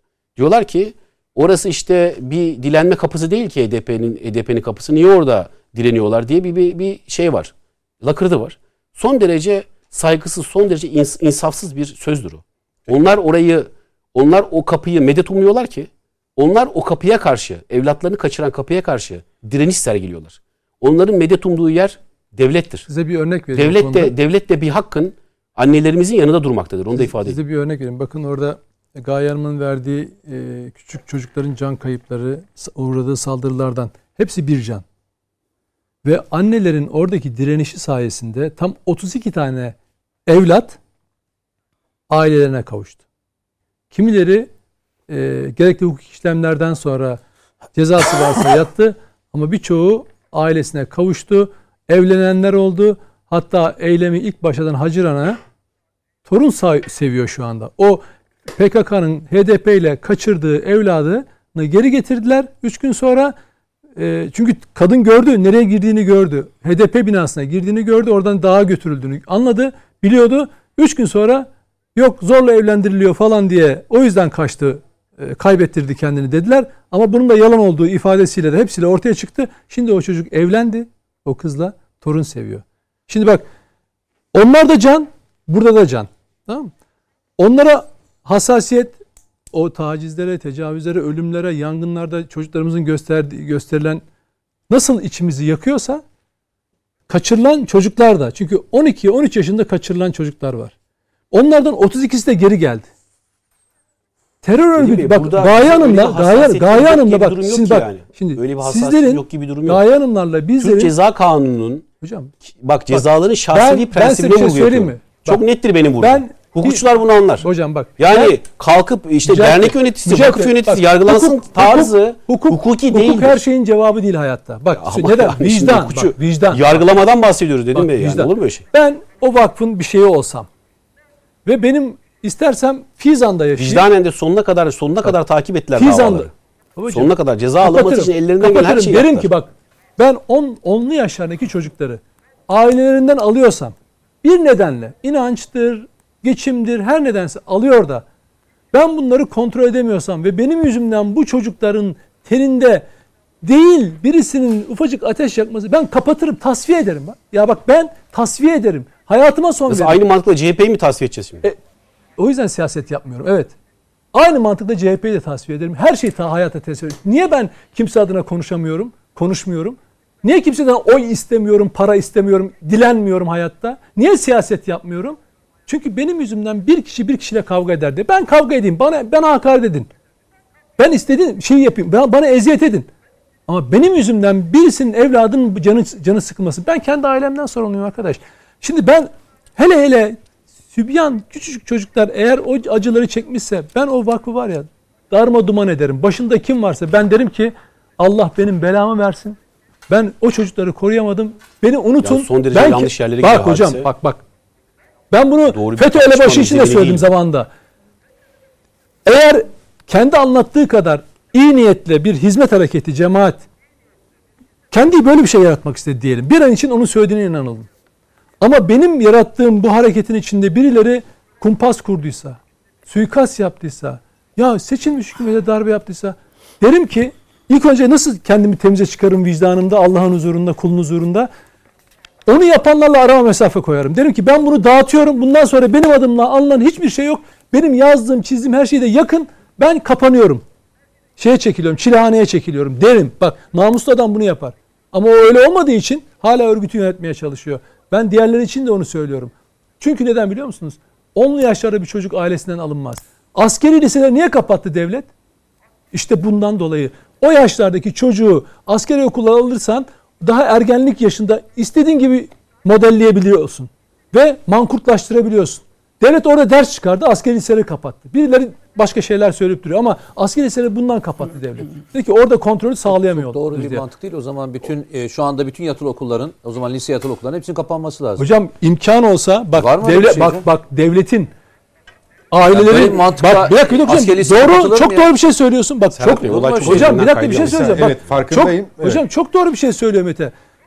Keşke imkanı olsa devletin hiç yatılı ne özel ne şey her çocuk ailesinin yanında okusa. Keşke her çocuk ailesinin. Ya ben bunu bu taşımalı eğitim sisteminde falan da hep söyledim. Dedim ki ya her çocuk ailesinin ya bir çocuğun ailesinin yanında olması kadar kıymetli bir şey yok hayatta. Ya O- tamam da işte imkansızlıklar mesela var. Bu, bu imkan Bak daha hocam ben bir bak şey. bak şöyle. Sistemi de, Mete, Mete bir sistemik bir sistemsel problem söyledi. Ben buna ilişkin sistemsel cevabımı verdim. Pratikte yani eğer bir vakıf veya bir dernek her fark etmez.